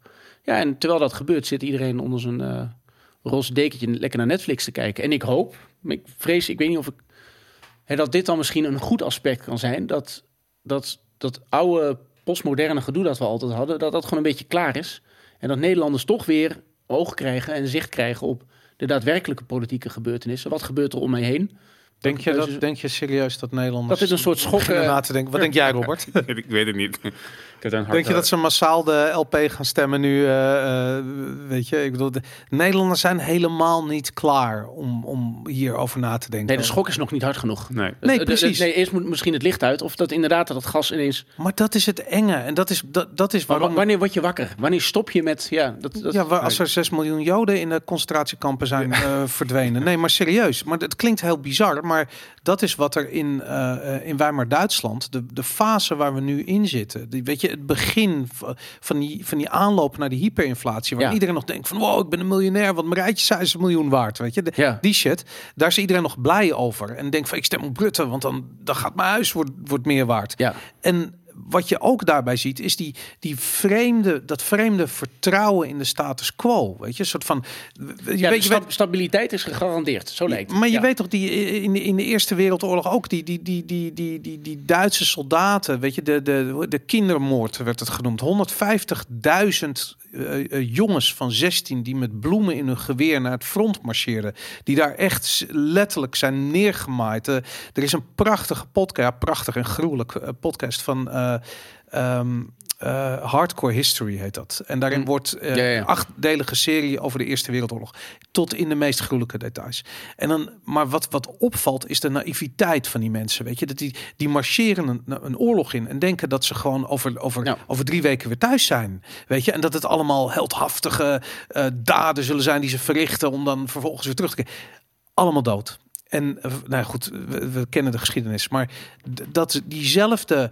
Eh, eh, dat blinde marcheren naar een conflict toe, waar alleen maar dood en verderf is, met het idee dat dat doen we en dan, dan en ik heb een blauwe en een gele vlag op mijn LinkedIn en dat En komt ga helemaal ieder- iedereen die wat anders denkt, die ga ik dan neersabelen. En, Precies, inderdaad. En, Dus het, en is, het is interessant ook hoe ze nu, wat, wat nu met Thierry gebeurt. Ja. Thierry Baudet, ik vind dat heel, eh, echt prachtig. Of nee, is niet prachtig om te zien, maar de, opvallend. dan, dan, ja, dus, dan is het dus, dus wij, wij, dus niet wij, wij, wij drie hier, maar men. Men wil iets hebben om de agressie op te ventileren. ja, Dus dan moet je een kop van Jut hebben en dan ga je zeggen, ja, maar hij wordt door de Russen betaald. ja, Het grappige is dat, ehm, wat, ik, wat ik in het begin vertelde met die, met die, met die kamerplantour bijvoorbeeld. Ik heb heel veel onderzoek gedaan ook naar, ehm, naar witwassen. Want je kunt zeggen, ja, het is belastingontduiking, maar dat is het niet. Het is veel complexer. ja, Je moet gewoon geld uit, witwa- uit, uit misdaad moet je witwassen. ja, En Oekraïners doen het, Russen doen het, Moldaviërs doen het. Iedereen doet het in die voormalige Sovjet-republieken ja, via die route. Ik was op een gegeven moment, ik was in het begin ook erg betrokken bij Forum voor Democratie. Toen zei hij, Jerry van, we gaan er een eh, politieke partij van maken zonder dat je een eh, verkiezingsprogramma eigenlijk hebt. Toen heb ik ook Ja. gezegd, dat wordt gegarandeerd door dat ruzie, splinters, afsplitsen, ellende, modder gooien, mes in de rug steken. Bedenk het maar. Dat is Ja. ook precies zo gebeurd. Nou, dat heb je met, met mannen die heel erg veel dadendrang hebben, dan krijg je dat. mhm, Vooral gaspedaal is nooit rem. Maar goed, ja, Maar ze hadden Ehm, gewoon een programma uiteindelijk. Ehm, Uiteindelijk is Bart Nijman dat gaan doen, toch? Geen- ja, nou, dat is, dat is die, die, die hadden onderling ook weer en binnen geen stijl. En, maar goed, dat was de coalitie die toen nog Pais en Vree eh, eh, eh, was. En dat is later helemaal een beetje uit elkaar gevallen. Maar ehm, toen hebben we dus inderdaad ook met meerdere mensen gezegd van... Nou, we gaan dat associatieverdrag tegenhouden. Mhm. Het is het verkeerde op het verkeerde moment. Het is meer uitbreiden van de Europese Unie in termen van wat die Europese Unie mag en met hoeveel landen je dat doet. Dat wordt te groot, het wordt te complex, het wordt te ingewikkeld. Je riskeert een conflict met Rusland, terwijl niemand hier bereid is om voor Oekraïne te bloeden. Mhm. Ehm, je creëert allerlei oneerlijke concurrentiemogelijkheden. Ehm, dat is een beroemde plofkippen, maar eh, misschien moeten we die even laten. Mensen zullen dat nu niet eh, interessant vinden. Maar goed, en wij, wij waren dat aan het winnen. Mhm. En toen was er een groep mensen rondom Joshua Lievestro en Michiel van Hulten. Dus de oud eh PvdA-voorzitter. En die hebben toen gewoon bedacht, gewoon de leugen bedacht... van ehm, de mensen die tegen Oekraïne zijn... moeten wel voor de Russen zijn. Ja, dat, is is waar- dat- precies wat je nu hoort. Ja, zo van... Ja. Dus, eh, oh, je- Mensen die tegen oorlog zijn, zijn voor de Russen. Ja. Ja, ja, precies. Een beetje, dat is een Ja. hele simpele... Alleen inderdaad, dat is, dat is het punt niet. Wat wij toen ook hebben gezegd van... Nou goed, als je Oekraïne bij je EU laat... en daarmee eigenlijk je NAVO... want dat gaat, het een Mm. volgt bijna uit het ander... dan, dan riskeer je een conflict waar, waar, waar je eigenlijk niet aan zou moeten willen beginnen... wat het niet waard is en wat mensen ook niet, Ja. niet willen vechten. En toen kwam ineens dat verhaal van... nee, maar dan word je door de Russen betaald. Ja. En ik had het ook, ook heel vaak. Hè. Dan had ik, als ik dan... De laatste keer dat ik bijvoorbeeld eh, Jan Paternotte... bijvoorbeeld, dat is die, eh, die D66er... Ja. Ehm, kan ik in een discussieprogramma, daar zat hij bij, eh, zat hij bij Humberto Tan, was ik uitgenodigd. Mhm. En, ehm, en hij, nou, dat ging dan over bonussen van ING en zo. En hij vond het heel erg bonussen. Toen zei ik, ja, maar het is je eigen wet. Die heeft er zelf ingediend dat banken moeten bonussen kunnen en vervolgens doen ze dat. Nou, geinig. En toen zei hij dat ook. Zei hij van, maar jij bent toch Arno? Jij, jij, zit toch ook bij dat clubje dat door de Russen wordt betaald? Toen zei ik, wauw. ja. Wat grappig. Ik zei, ik doe als journalist al jaren onderzoek naar die brievenbusconstructies op de Zuidas. ja.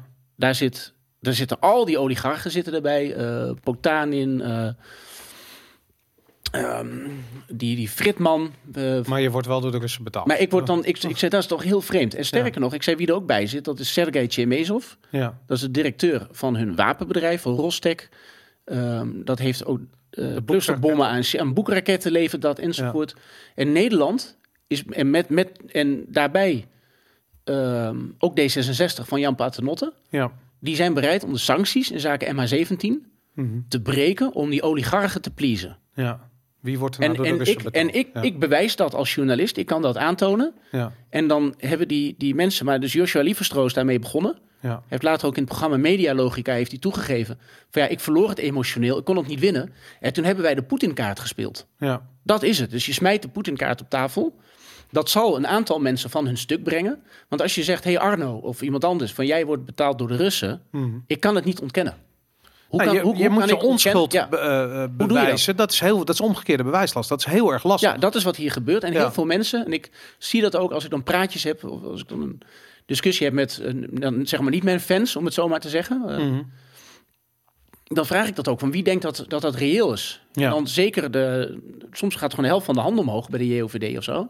Alsof Dat er een gebeurt- afdeling is in een Russische ministerie van Buitenlandse Ja, Zaken. die, die, die kazen omkoopt. Nee, de, de Chinezen de, die, die, die, die, die sponsoren blijkbaar eh, de VU en andere Ja, universiteiten. dat mag, dat is oké. Dat is oké. Die Chinezen, die, die, inderdaad, die gebe- daar wordt samen met de Chinese communistische partij wordt de technologie ontwikkeld. Ja, Die in die kampen met die Oeigoeren, die concentratiekampen wordt ingezet. ja, Die technologie moet hier uitgerold worden. ja, China steelt onze bedrijfsgegevens. Ja. Staat zelfs in het jaarverslag van ASML dat China dat heeft gedaan. ja, Via Rusland, dus Russische hackers, die breken in bij onze bedrijven. Ja. Verkopen die gegevens aan China. Ja. China maakt die producten na, verkoopt het hier, verpest onze bedrijven, neemt Ja. de boel over. ja. Dat is prima.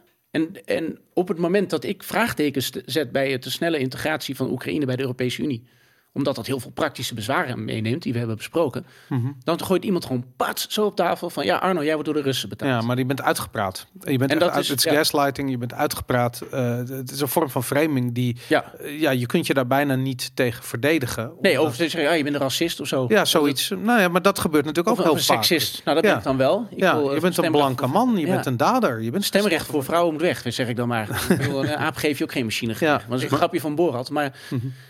Dat is inderdaad wat je krijgt. Ik kan wel, als, als ik dan iemand, zo'n hardcore D66er, die, eh, en zo'n Jan Paternotte, als je dat doet, hè. Mhm. Ik, ik had toen een gesprekje met hem, maar we moesten toen die uitzending in.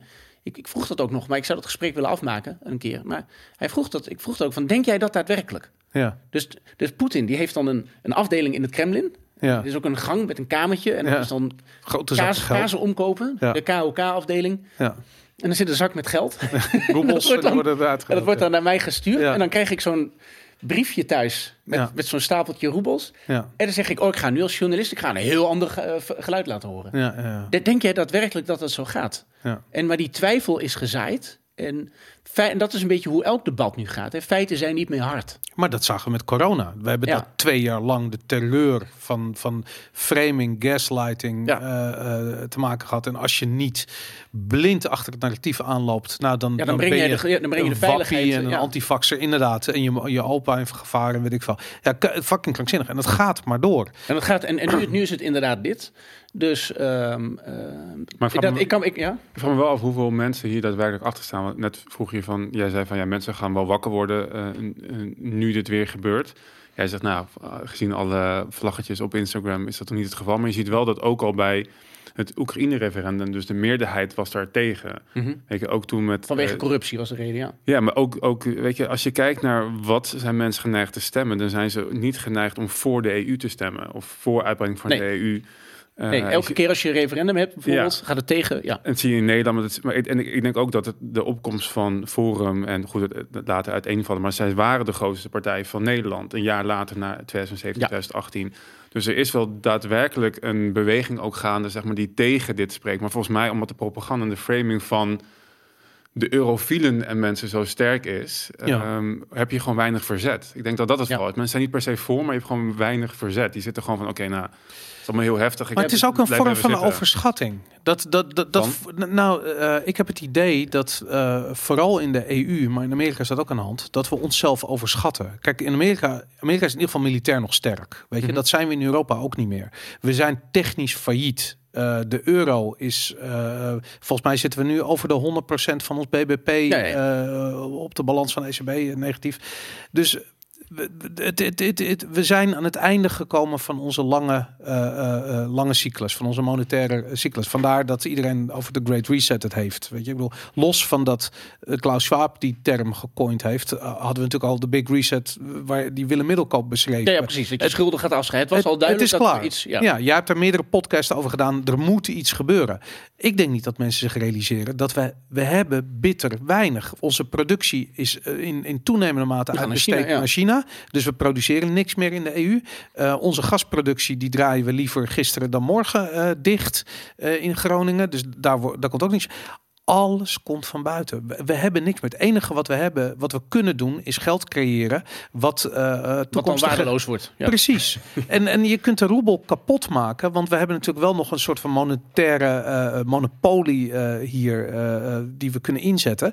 Maar voor hoe lang? Weet je, op het moment Ja, dat Russen en Chinezen een alternatief systeem bouwen, zij hebben daadwerkelijk productie Ja. en energie hebben ze. Ja, ik, ik, ik zei dat net van, maar ik wilde iets positiefs zeggen. Maar in, in wezen, ik vrees dat ook. Ehm, en dat zag je al bij corona, dat eigenlijk China de grote winnaar is van corona. Ja, maar ze zijn Precies sowieso wel ongeacht corona Ja. was dat ook gebeurd. Het is nu onder hoge druk zichtbaar geworden. Ja. En dat gaat nu in Rusland weer gebeuren. En dat is ja, en dat, dat zou hier ook kunnen gebeuren. Maar ik, ik wilde toch de mogelijkheid. Dus de, ik, ik stel het Dat ze niet gaan roepen dat je betaald wordt, ook nog door China. Ja, dat ik ook nog door China. Nou, ik zou dat wel fijn vinden, want ik zou wel, Ja. ik, ik vind niks mis Ze met. betalen goed, heb ik gehoord. Ja, de Dat, eh, Chinezen, ja. Dat moet wel, ja. Bij de VU. eh, het zijn dikke auto's voor de deur. Ja, dat is de, hè, dat, Ja. dat, dat moet dan allemaal maar kunnen. Maar ehm, ehm, ik weet het niet. Het, Maar ik, wil, ik ik wil denk- iets positiefs zeggen. maar- Ik denk wel dat inderdaad wat je net zei over Van der Leyen, die zegt van ja, we moeten nu nog, nog hun alsnog binnen de Europese Unie trekken. Dat is inderdaad volgens mij dat overschatten waar we het wel vaker over hebben van hen. Zij denken Ja. echt dat, er, iets- dat het iets is. Ja. Weet je, als jij bij de EU bent, dan komt het goed. Dan zit je binnen Ja. ons. ja, eh, want wij mooi- gaan jou beschermen. Ja. Oh ja? ons mooie, Ja. ons mooie eh, luchtkasteel. eh, en, en ik denk dat dat het is. En ik denk dat inderdaad, er wordt heel mensen. Misschien is dat ook wel een beetje de conclusie van wat er gebeurt, zowel aan de kant van Rusland als de kant van de Europese Unie. Ze overschatten zichzelf in wat zij kunnen. Ja. ja, behalve dat ik, dat ik het idee heb dat Rusland er economisch misschien beter voor staat, ondanks dat het een veel kleinere economie is. Ze Ja. hebben niet die gigantische staatsschuld, maar wat nog meer, ze hebben eh, recente ervaring met hyperinflatie. Dat is in 2008 en in 2014 nog een keer voorgekomen. Dus die mensen snappen al lang dat ze hun geld niet En de op de bank. ja. Precies. Maar, maar, maar willen die... Kijk, als je dan ehm, als je dat ijzeren gordijn krijgt... Ja, ehm, waar, tenminste, dat, dat dreigt nu. Daar hebben we Ja. het over gehad. Dat, ik vraag me echt af of de gemiddelde Rus... en zeker de jonge Rus die een beetje mobiel wil zijn... ja. Of die Dat of die dat, je eens. of die dat wil hebben. Gaat hij liever naar Parijs of naar Peking? Precies, ja. Nee, maar dat is een, dat, dat is een ding. Dat, dat, dat leeft dat heel erg. Ja, maar de- dat, en- dat is eigenlijk een pro-EU argument. Want het vervelende is dat Brussel heeft de, alle kwaliteiten die we in Europa hebben, hebben ze gekaapt. Ja. En hebben ze allerlei voorwaarden van, oh, oh je, wil, eh, je wil lekker eten in Italië. Nou, dat kan, maar dan willen we je EID, digitale paspoort. Ja, ja, dat is al je zo, prikken, die willen we wel even. Dus ze, hebben dat, dat gekaapt. En dat is kut eraan. En dat is voor ons al vervelend en voor hun ook vervelend. Dus eh, daarin zie je ook weer die, die, die zelfoverschatting. Dat ik zoiets heb van ja, maak het maar lastig genoeg om die EU, om die EU-kwaliteiten te ervaren. En op een gegeven moment hoeft, hoeft men dat ook niet meer. Mensen in, in Europa willen dat. Ik ken genoeg mensen die vertrekken uit Europa vanwege corona en de, en de Mhm. belachelijke maatregelen. Waar gaan die heen? Veelal Midden- en Zuid-Amerika. Mhm. Ja. Uruguay had ik... eh zag ik ook mensen... Veel bitcoiners gaan naar El Salvador. Ja, omdat Dat, de- eh, dat is het beloofde land nu. Ja. Ja. Mocht het ooit fout gaan, dan zitten zij in El Salvador op een berg met hun digitale tegoeden. Ik ben benieuwd hoe dat, eh, Gratis energie, hè? Dat, eh, hoe dat, hoe dat eruit ziet. Nee, maar die, die volcanobrand, ja. kijk, ik, ehm, ik, ik, ik hoop dat, kijk, er moet een keer een, je moet een keer een moment kri- krijgen dat, dat Europa, dat, dat Nederland uit die, die stomzinnige sluimer komt. En dat is een, zodra dat het geval is, kun je alles aanpakken. Dan Maar zeggen- kijk naar de geschiedenis. Wanneer raakte een volk dat in, zo in een sluimer terechtkwam eruit? Dat weet je, het was de als Eerste als het Wereldoorlog. een harde schok. Het was de kindermoord in de Eerste Wereldoorlog. Het was de, eh, eh, het, moment dat de concentratiekampen bevrijd werden in de Tweede Wereldoorlog. Eigenlijk dat, dat duidelijk werd wat Duitsland aan het aanrichten was. Los van Mhm. militair, maar ook eh, Ja. mensenrechten technisch gezien. Dat zijn de momenten waarop mensen wakker zijn. Hoe heeft het zo ver kunnen komen? Weet je, dat soort uitspraken krijg je. Ja, hoe heeft het zo ver kunnen... Dat je gewoon fucking niks deed toen het gebeurde. En dat is keer op keer hetzelfde. Dat, is, dat herhaalt zich Ja. gewoon onder zoveel... Nou, nou, nou je me, ik, ik probeerde het een, Je wil positief, hè? Ik wil een het gaat positief niet gebeuren. wilde ik, ik geven, maar jij moet zo nodig. Nee, ja, je, hebt, je, hebt wel, je hebt wel gelijk. Kijk, inderdaad, je krijgt dan een bepaalde klap. Ehm, want iemand heeft dus de hele tijd zitten slapen. Ja. Ik, ik hoop dan bijvoorbeeld spreekwoordelijk dat eh, als iemand zijn dak of zijn huis niet repareert, Ja. of, eh, dat hij dan ligt te slapen met een, eh, met een goede borrel op. Dat op een gegeven moment een stuk pleisterwerk van het plafond op iemands kop valt. Dat hij daardoor Ja. wakker schrikt. En dan heeft hij door van wacht eens even. Ja. Mijn huis staat in brand, want er is rook. Ja, ja, ja. En dat je op die manier, hè, spurring into action, dat je, dan, dat je dan begrijpt dat één gebrek, dus wat er nu in Oekraïne gebeurt, dat, dat, dat heeft te maken met een reeks aan ja, slechte beleidsmaatregelen die, die zijn opgestapeld in een decennium. ja, En dat je dan daar wat mee gaat doen, dus dat je voorbij het vlaggetje kijkt. ja. Ik zeg ook altijd, hè, dus mensen die dan heel, toch heel veel uit die vlaggetjes willen halen, zoals mensen die demonstreren tegen racisme en daarmee voor hun burgerrechten bijvoorbeeld, Mhm, de Black Lives Matter beweging, mhm. die, je kan het op Google opzoeken, Google Trends, waar mensen mee bezig zijn. Ja, Black Lives Matter of racisme, dat, dat, is dan ook, dat is dan ook weer weg. Hè? Dan kun je zeggen, oh, maar ik vind het heel belangrijk dat mensen... Nee, het zijn, ja, het zijn nu Oekraïners. het En komt straks, even voorbij, ja. ja, en straks, nu, nu komen de festivals weer. Je ziet grappig genoeg, als je in Google Trends kijkt, dan zie je een... Dus waar mensen mee bezig zijn en waar media dan ook over schrijven, want Ja. daar zit het advertentiegeld. Dan zie je dat vluchtelingen en ehm, festivals die alterneren met elkaar. Ja, Dus op een gegeven moment het, in, wordt het lente, zeg je, oh, ik weet iets voor vluchtelingen doen. En dan, maar dan komen de festivals. Oeh, wat is een leuke festivalagenda. En dan, zo- dan googelen ze niet meer op die. ja, ja. ja. En dan is het kerst. En met kerst wil je toch, eh, toch een asielzoeker eh, bij de kalkoenen hebben. Maar daarna moet die, moet die weer weg. Ja, Zo, zo, zo gaat dat. Dat is echt heel sneu. En Ja. die, die, de Oekraïne, Oekraïne duwt nu even het genderneutrale toilet en eh, Ja. Black Lives Matter weg. Mensen zijn hier nu mee bezig. Mhm. Mensen, Maar- maar, maar- mensen maar een bepaalde capaciteit aan wokeness. Of Aan wokeness, dat is het Ja. zo. En want, Ja. want dat is het ook. Dat is het, het hele akelige aan dat deugen en dat communiceren. Is dat zodra jij één speldje of een button hebt gekocht van Mhm. iets, van een bepaald maatschappelijk onderwerp, dan ben je klaar. ja, je bent je identiteit Dat is het, dat is, dat is het, het deugdpronken, dat is Ja. daar het akelige aan. Het gaat om het pronken. Ja, Dus zodra iemand dat t-shirt aan heeft, is hij klaar en dan doet hij ook niet echt wat. ja, Misschien kun je nog 5 euro geven aan het Rode Kruis. Nou, oké, vooruit als elke Nederlander dat doet, dat, dat, dan heb je toch nog iets gedaan. Maar da, da- dan, dan stopt het. Ja. En, en de grote fundamentele vraag die je zou moeten stellen is... eh, eh, over hoe jouw Europese Unie in elkaar zit. Want die sluimert door. Ja. Ja, misschien moet het dan nog een keer wat slechter gaan. Dan was dit niet genoeg om mensen wakker te krijgen. En dan moet je, moet je weer doorgaan. En dan gebeurt er nog iets anders. Maar op een gegeven moment Nou ja, en het, het, het- krijgen mensen zoals wij... Ja, sorry, wij, wij gaan dan een keer gelijk krijgen. Maar dat wil ik dan niet. Nee, ik ook niet. Maar het, het, het, het vreemde is dat je in dit soort situaties kijk je dan naar je leiders. Van wat voor soort kwaliteit zit daar? En als je kijkt naar de, weet ik veel, de grote staatsmensen uit het verleden. Dat je denkt van ja, weet je, dat, dat is het kwaliteit die je verwacht. Wat naar voren stapt op het moment dat er een crisis is. Dat is inderdaad, in wat je crisis zie je ze. verwacht, Ja. ja. Zoals Zelensky nu bijvoorbeeld. dan Maar- moet, je, moet, je wel, moet je wel eerst een invasie hebben. Precies, maar als En je ik probeer die invasie te voorkomen. Ja, maar het, het, het ding is, de EU zit al in een crisis. Weet je, Ja. de euro is eigenlijk al vanaf, het, vanaf, het, vanaf de geboorte eh, eh, gehandicapt. En nu eh, ligt hij op sterven aan het infuus. Er staat niemand op. We hebben geen grote staatsmensen die Europa bij elkaar. We hebben, Maar- maar- we hebben Guy Verhofstadt en, en Van der Leyen. De ene is zijn zak aan het vullen en de andere is aan de alcohol. Weet je, en, en ik bedoel, en Biden, om nog maar even. Ik bedoel, die, ik weet niet of jullie gisteren de State of the Union hebben gezien, waarbij die zegt van ja, de, eh, de, de Poetin omcirkelt Kiev, maar de, de proud people of, eh of the Iranians will not be broken of iets dergelijks. Ja, ja. Hij heeft ik bedoel, die man is gewoon dement. Hij is dement, ja. Hij is dement. En dat, Maar- maar, maar is- dat is dan de leider van. van Maar- daar moeten we het nu van hebben. Ja, maar is het niet, want ik weet niet of het ehm, de leiders zijn die dit veroorzaken, maar is het gewoon het systeem wat, wat rot is op de bot, waardoor dit, dit mogelijk is? Ik Maar misschien is dat altijd wel zo geweest. En zijn leiders in staat om dat te overstijgen. Of in ieder geval daar de, de touwtjes in handen te nemen. In ieder geval een kant op te sturen waar het beter is. maar ik denk dat je wel dat het systeem wat je, waar je in zit heel bepalend is. En dat je inderdaad de bureaucratie van de EU, zeg maar het uitdijen van zo'n wereldrijk, altijd op die manier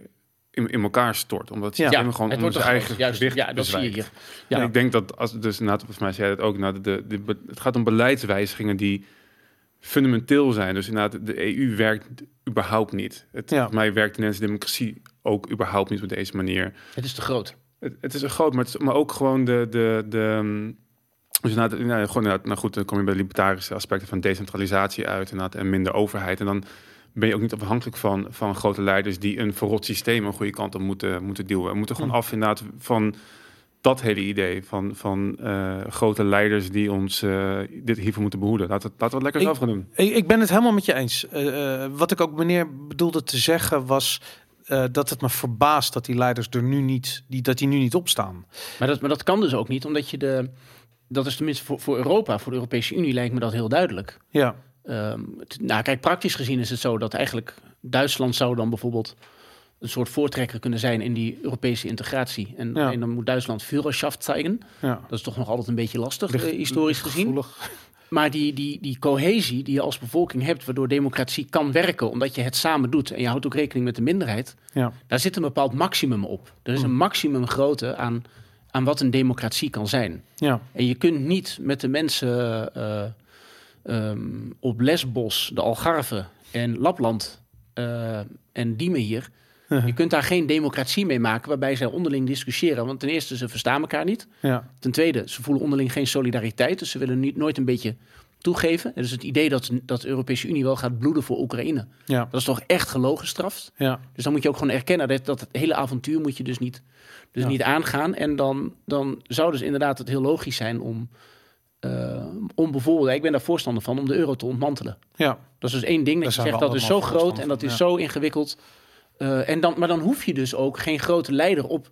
Hè, er hoeft nu dus niemand op te staan uit Frankrijk, laten we zeggen een eh, hele toonaangevende, ehm, charismatische Franse vrouw die staat op en die spreekt tien talen en die komt overal in alle hoofdsteden van de Europese Unie komt ze vertellen waarom die euro toch heel belangrijk is. Ik noem maar wat. Ja. En dan kijken we naar en zeggen, oh, nou dat is echt een leider, daar wil ik achteraan. Die, die komt nooit, want dat die, de, de verschillen tussen die landen zijn zo groot Ja. dat niemand dat bij elkaar gaat praten. Ja. Het, het is niet te doen. Nee. Je kunt op dit niveau, hè, zoals Zelensky, nou, die, die, die, die snapt dat denk ik wel. Ja. Die, die kan binnen zijn crisis in zijn land, die behapbaar is, waarbij mensen dus inderdaad zich aanmelden om te komen vechten, daar kan hij de leider zijn. Maar op Europees niveau zul je dat nooit Ja, nooit hebben. Het is te groot. maar ik vind Het, het... het kan niet. En maar ik ki- kijk naar Nederland dan, waar, waar eh, ik ga, sorry, ik ga, ik ga gewoon, ik ga anderhalf uur gewoon volmaken. maar de, ja, boeien, ja. de, Dus het? kijk het ook, hè, volgens mij. Ja. Ja, tuurlijk, ja. Maar de, ehm, eh, kijk naar hier naar de Tweede Kamer, waar bij wijze van spreken de oppositie en met name Forum voor Democratie monddood gemaakt wordt, letterlijk door de Kamervoorzitter, die, die gewoon Ja. de microfoon van Thierry Baudet uitzet.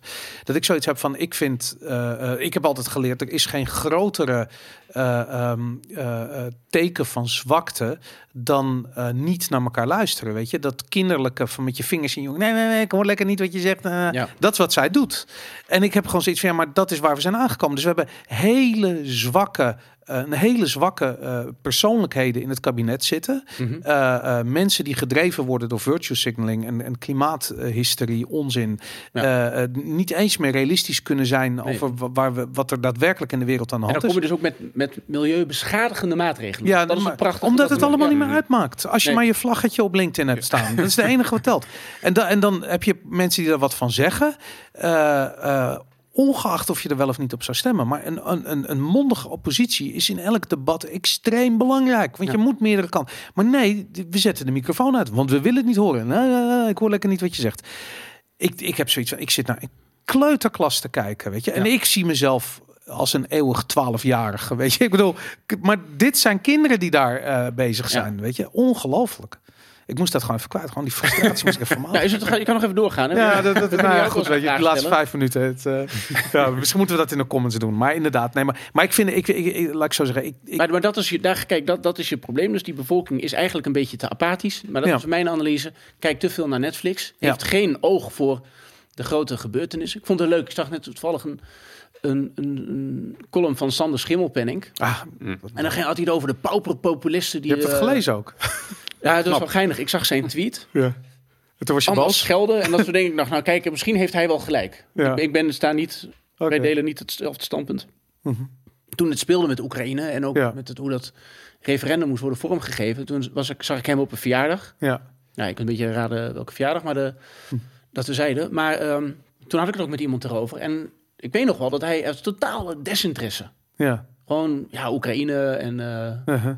Die zijn er niet mee bezig. En, Ja. en En nu, nu is er die oorlog. Ja. En nu had hij dus een tweet. En dan begint hij te schelden. En eh, de, de neofascisten en, en weet ik wat. Ja, ja, dat, En dat- die- maar dat is een hobby, dat is wat hij doet. Ja, dus ik dacht, nou oké, ik klik Volgens mij doet hij dat in de supermarkt ook. Ja. Staat hij ook zo te schreeuwen en te schelden. Dat, eh, Dat is het ook, maar dat, dat, dat komt dan binnen. En dan daaronder reacties. Ja, zeg het ze, zeg het ze. En dan, ik denk, nou weet je wat, ik ga klikken. Misschien Mhm. heeft Sander Schimmelpenning stiekem, zonder dat ik het toen door had, toch heel erg verdiept in dat associatieverdrag en Ja. eh, in de omstandigheden. En, ehm, en toen begon het meteen van, eh, ja, wat hebben die, wat hebben die pauperpopulisten nu, oh, nu weer aangericht. Hè? Dus ik betaal voor de Volkskrant. Dat was, dat was eh, Little Kleine, die had een Ja, paperkabouter. pauperkabouter eh. was dat. Ja. En hij maakte van de pauperpopulisten. Ah, ook. Oké, dus hij... Maar ik weet nog dat ik, ik voelde me een beetje bekocht. Ik dacht, Ja. nou, Sander heeft natuurlijk gewoon een beetje een opruiende tweet. Ja, Dan klik ik daarop, maar dan komt er daarna wel gewoon een beargumenteerd ja. verhaal over waarom ik het Bij Sander Schimmel ben ik. Dat heb ik nooit gehoord. Ik dacht, maar misschien... Alleen, ik weet nog dat ik heel boos was. Dat ik dacht, want ik, kwam- toen kwam zijn inleiding. Ja, de pauperpopulisten begon die, ging die gewoon door met schelden. Toen heb ik het weggeklikt. Ja. Dus nu ben ik wel lid van de Volkskrant. Maar ehm, Voor, voor Sander Ja, ik. voor Sander Het is- Ze ik. hebben toch een abonnement ze verkocht. hebben, ze Nou, hebben me toch weten. ik had het met, Rutger, dat- ik ja. had met Rutger Brechtman. Die had een, eh, een thread op Twitter eh, over Oekraïne. Waarbij ik zoiets had van, wauw, redelijkheid. Ja, Weet je, ik vond, die heb ik ook geretweet. Ja, Vond ik ook heel... was eh, echt heel goed. ja. Dat, eh, Ik ben wel jaloers dat jij de tweets van Sander nog kan lezen. jij bent Ik geblokkeerd. ben gewoon geblokt. Ja. ja? Ah, maar word jij door de Russen betaald? Blijkbaar.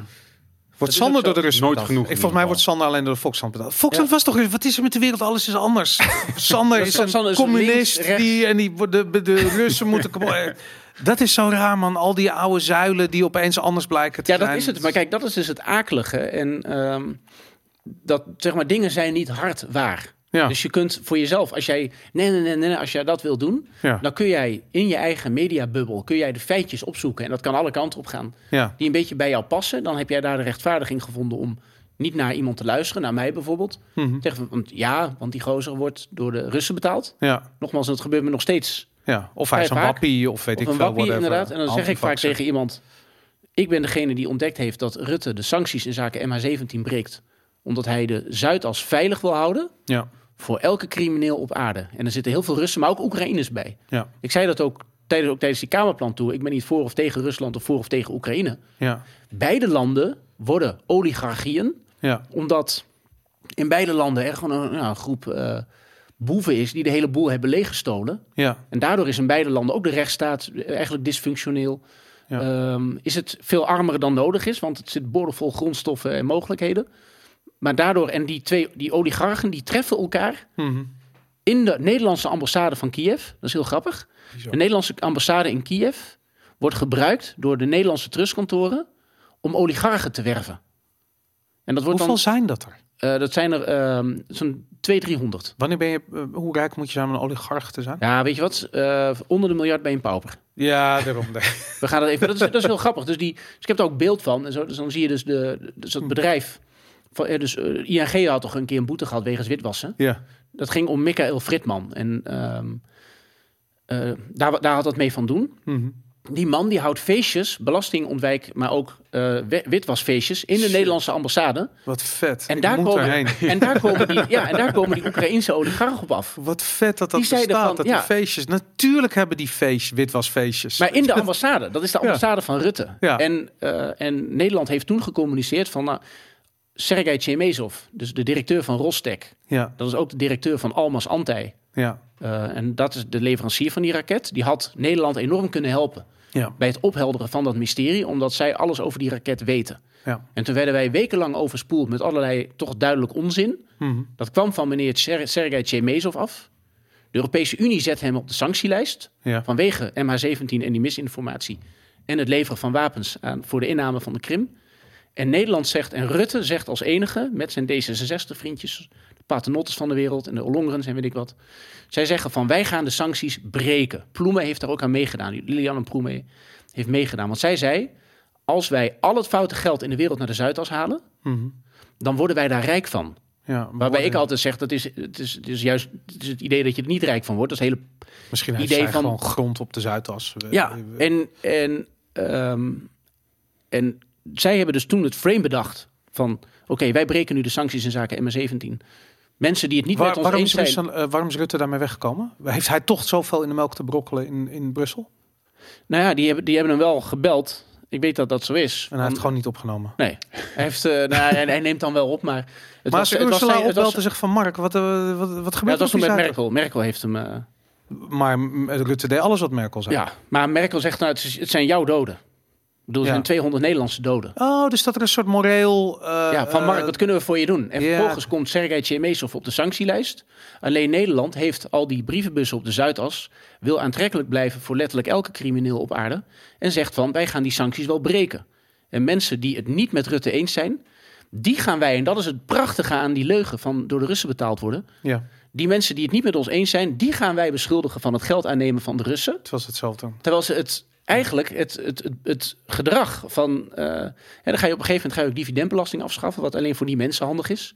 Weet je wat? geen enkel verkiezingsprogramma. Nog één ding, hè? Dat, dat is, dat is het, het demonische hiervan. En zo, maar wij leven dus in een wereld met halve leugens. Ja, Je kunt mensen op basis van die halve leugens. Hè, je ziet het nu heel vaak ook van. Je ziet het bij Cherry op Twitter bijvoorbeeld. Dan zeggen mensen: ja, maar dat is, wordt door de Russen betaald. Wordt door de Russen betaald. Ja. Hoef je niet serieus te nemen. ja, Gewoon aantoonbare, flagrante onzin. ja. Toen ehm, was het Frans Timmermans die naar aanleiding van MH17 een toespraak voor de Verenigde Met Naties... zijn mondkapjes, ja. Nee, nee, dat was nog ver voor de mondkapjes. Dat was... eh, eh, ja. MH17 was neergeschoten en eh, of hij of Ben Bot, een van de twee, hebben daar toen een toespraak gehouden waarbij ze waarbij iedereen verwachtte van oké, we gaan een marinier sturen en we- weet ik veel, we gaan, we gaan iets doen daar. Eh, en hij zei van nee, eh, we moeten vergeven. En hij heeft toen ook zo'n heel emotioneel over de laatste momenten van de mensen aan boord die elkaar vasthielden. Nog Ja. één keer aankeken toen het vliegtuig, whatever. Zo'n soort hele emotionele speech. Maar, maar geen wraak en geen militaire eh, actie. Kon En- ook niet. Ja.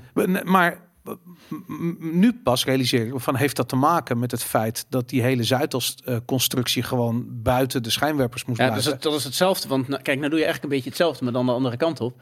Ja, ik, ik kan het onmogelijk bevestigen of ontkrachten. Ik weet het niet. Ja, Maar ik zou wel altijd willen zeggen van als je een heel heftig statement gebruikt, inderdaad. En dat zijn dan nu vooral de, uh-huh. de mensen die het betaald door de Russen verhaal eh, verspreiden. ja, Ehm, dat, ehm, dat, dat je dat alleen maar doet als je ook echt bewijs hebt. ja, Ik vind ook heel jammer. eh, kijk, je hebt nu Henk Otte, die komt ook steeds weer terug. ja, Ik vond het wel geinig. Dus op een gegeven moment hadden ze, zij zeiden van nou we gaan een partij beginnen. ja, En ik zei toen ook altijd, ik heb toen tegen Thierry ook gezegd, jij gaat enorme ruzie krijgen en het gaat uit elkaar donderen. Want je hebt dus niet duidelijk wat je wil. Mhm. Met die euro bijvoorbeeld, wil je alleen de euro opblazen of wil je echt uit de Europese Unie? Ja. Nou, dan had je dus een, een dialogische of een, een ideologische tweestrijd. Want de mensen die veel, on, heeft veel ondernemers in die club zitten, dat zijn de Rotterdammers, die hebben gewoon baat bij de interne markt. Ja, De interne markt van de Europese Unie is een succes. Nederland Want dat, dat is eigenlijk ja. gewoon vrijhandel. Dat, dat werkt. En die willen die interne markt niet opblazen. En dan heb je de andere club, die dat zullen dan misschien de Leidse filosofen zijn, die zien dat praktische probleem niet. En die zeggen, nou, blaas die interne markt dan ook maar op, als, het, eh, als we toch eh, Ja. bij wijze van spreken. Toen, eh, nou, toen hebben hij en Henk Otte, die hebben ruzie gekregen. Het was Henk Otte die als penningmeester nota bene, die had moeten zien van, oké, er komt nu, eh, nu Russisch geld binnen. En die is later ook nog bij een, eh, ja, bij Zendla, Bij, bij, bij Forum bedoel je? Ja. ja, bij Forum. Was, Ja. en Daar zaten ze dat hij nog bij. Dus nogmaals, die twee hebben ruzie met elkaar. Ik wil daar buiten blijven. Het interesseert me allemaal niet. Als hij Russisch geld gezien had, had hij het wel op straat. Ja, toch? Ja. dan had ik dus de. Dus dit gaat.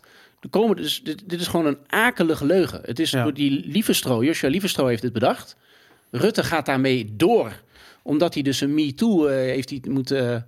Maar denk je dat forumstemmers daar echt een boodschap hebben? Die, die zijn toch al lang en breed eh, eh, overtuigd van het feit dat eh forum links en rechts zwart gemaakt wordt. Ja, maar dat, dat, dat is ook zo. Alleen van de, dat, het, het, het wordt nu zo vaak herhaald. Ja, dat gemiddelde En, Nederlander. en ik, zit, ik zit nou op één te kijken. Ja, En er zit er zo'n zo'n inlichtingenman. ja, Die, kijk, de, de, de inlichtingendienst die hebben van Kajsa Ollongren onderzoek moeten doen naar bewijs van daadwerkelijke inmenging van Rusland. ja.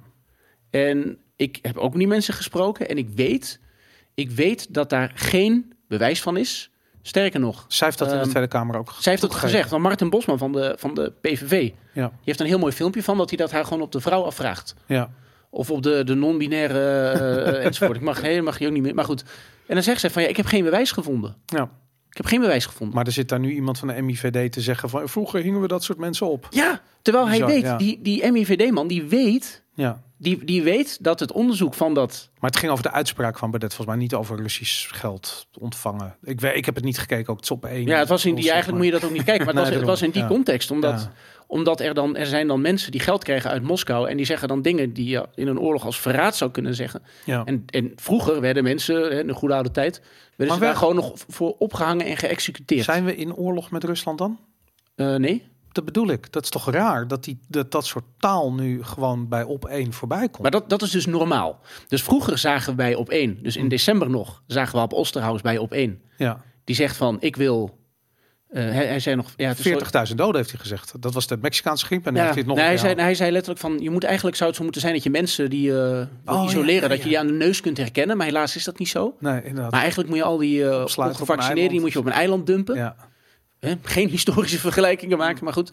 En eh, hij zei, ja, ja, ik ben veearts en soms moet je rigoureus zijn. dus dat is de totale ontmenselijking. Ja. Hè, dus je hebt die crisissituatie.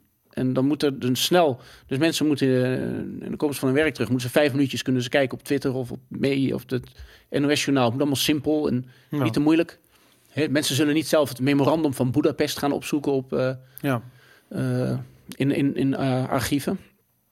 Maar goed, en dan moeten het dus simpele soundbites zijn. En daarbij wordt er gezegd van eh, de EU is goed, eh Oekraïners zijn lief, Russen zijn slecht. Ja. Ze beïnvloeden onze verkiezingen. Dan- Terwijl dat gewoon echt niet het... nee. gewoon Zodat je zo niet snel waar. mogelijk weer Netflix aan kunt zetten en Ja. niet meer erover na hoeft te denken. Precies. Goed, oké. ik denk dat we het daarbij moeten laten. Ja. Eh, Arno, dankjewel Ja, voor maar eh, ging je er niet iets leuks nog... Want ik had dus positief willen eindigen. Ah, oké. ja, ik dacht... Doe maar. Ja, En dat, maar dat, nee, dat weet ik dus niet. Want dan hebben Oh. jullie om zeep geholpen. Oh, ja, dus, nee, dat is, we eindigen nu heel positief. Ja. Is er nog... eh, Volgende keer zal ik een fanfare en een olifant en zo. En dan doen we een rondje. En dan, ja, maar dat is niet die vriendelijk voor de olifant. Nee, dan dat krijgen kan we ook daar niet. weer... En dan weten we niet of de olifant wel genderneutraal is. Lastig. Goed, dankjewel voor het kijken naar Vivo Valentine.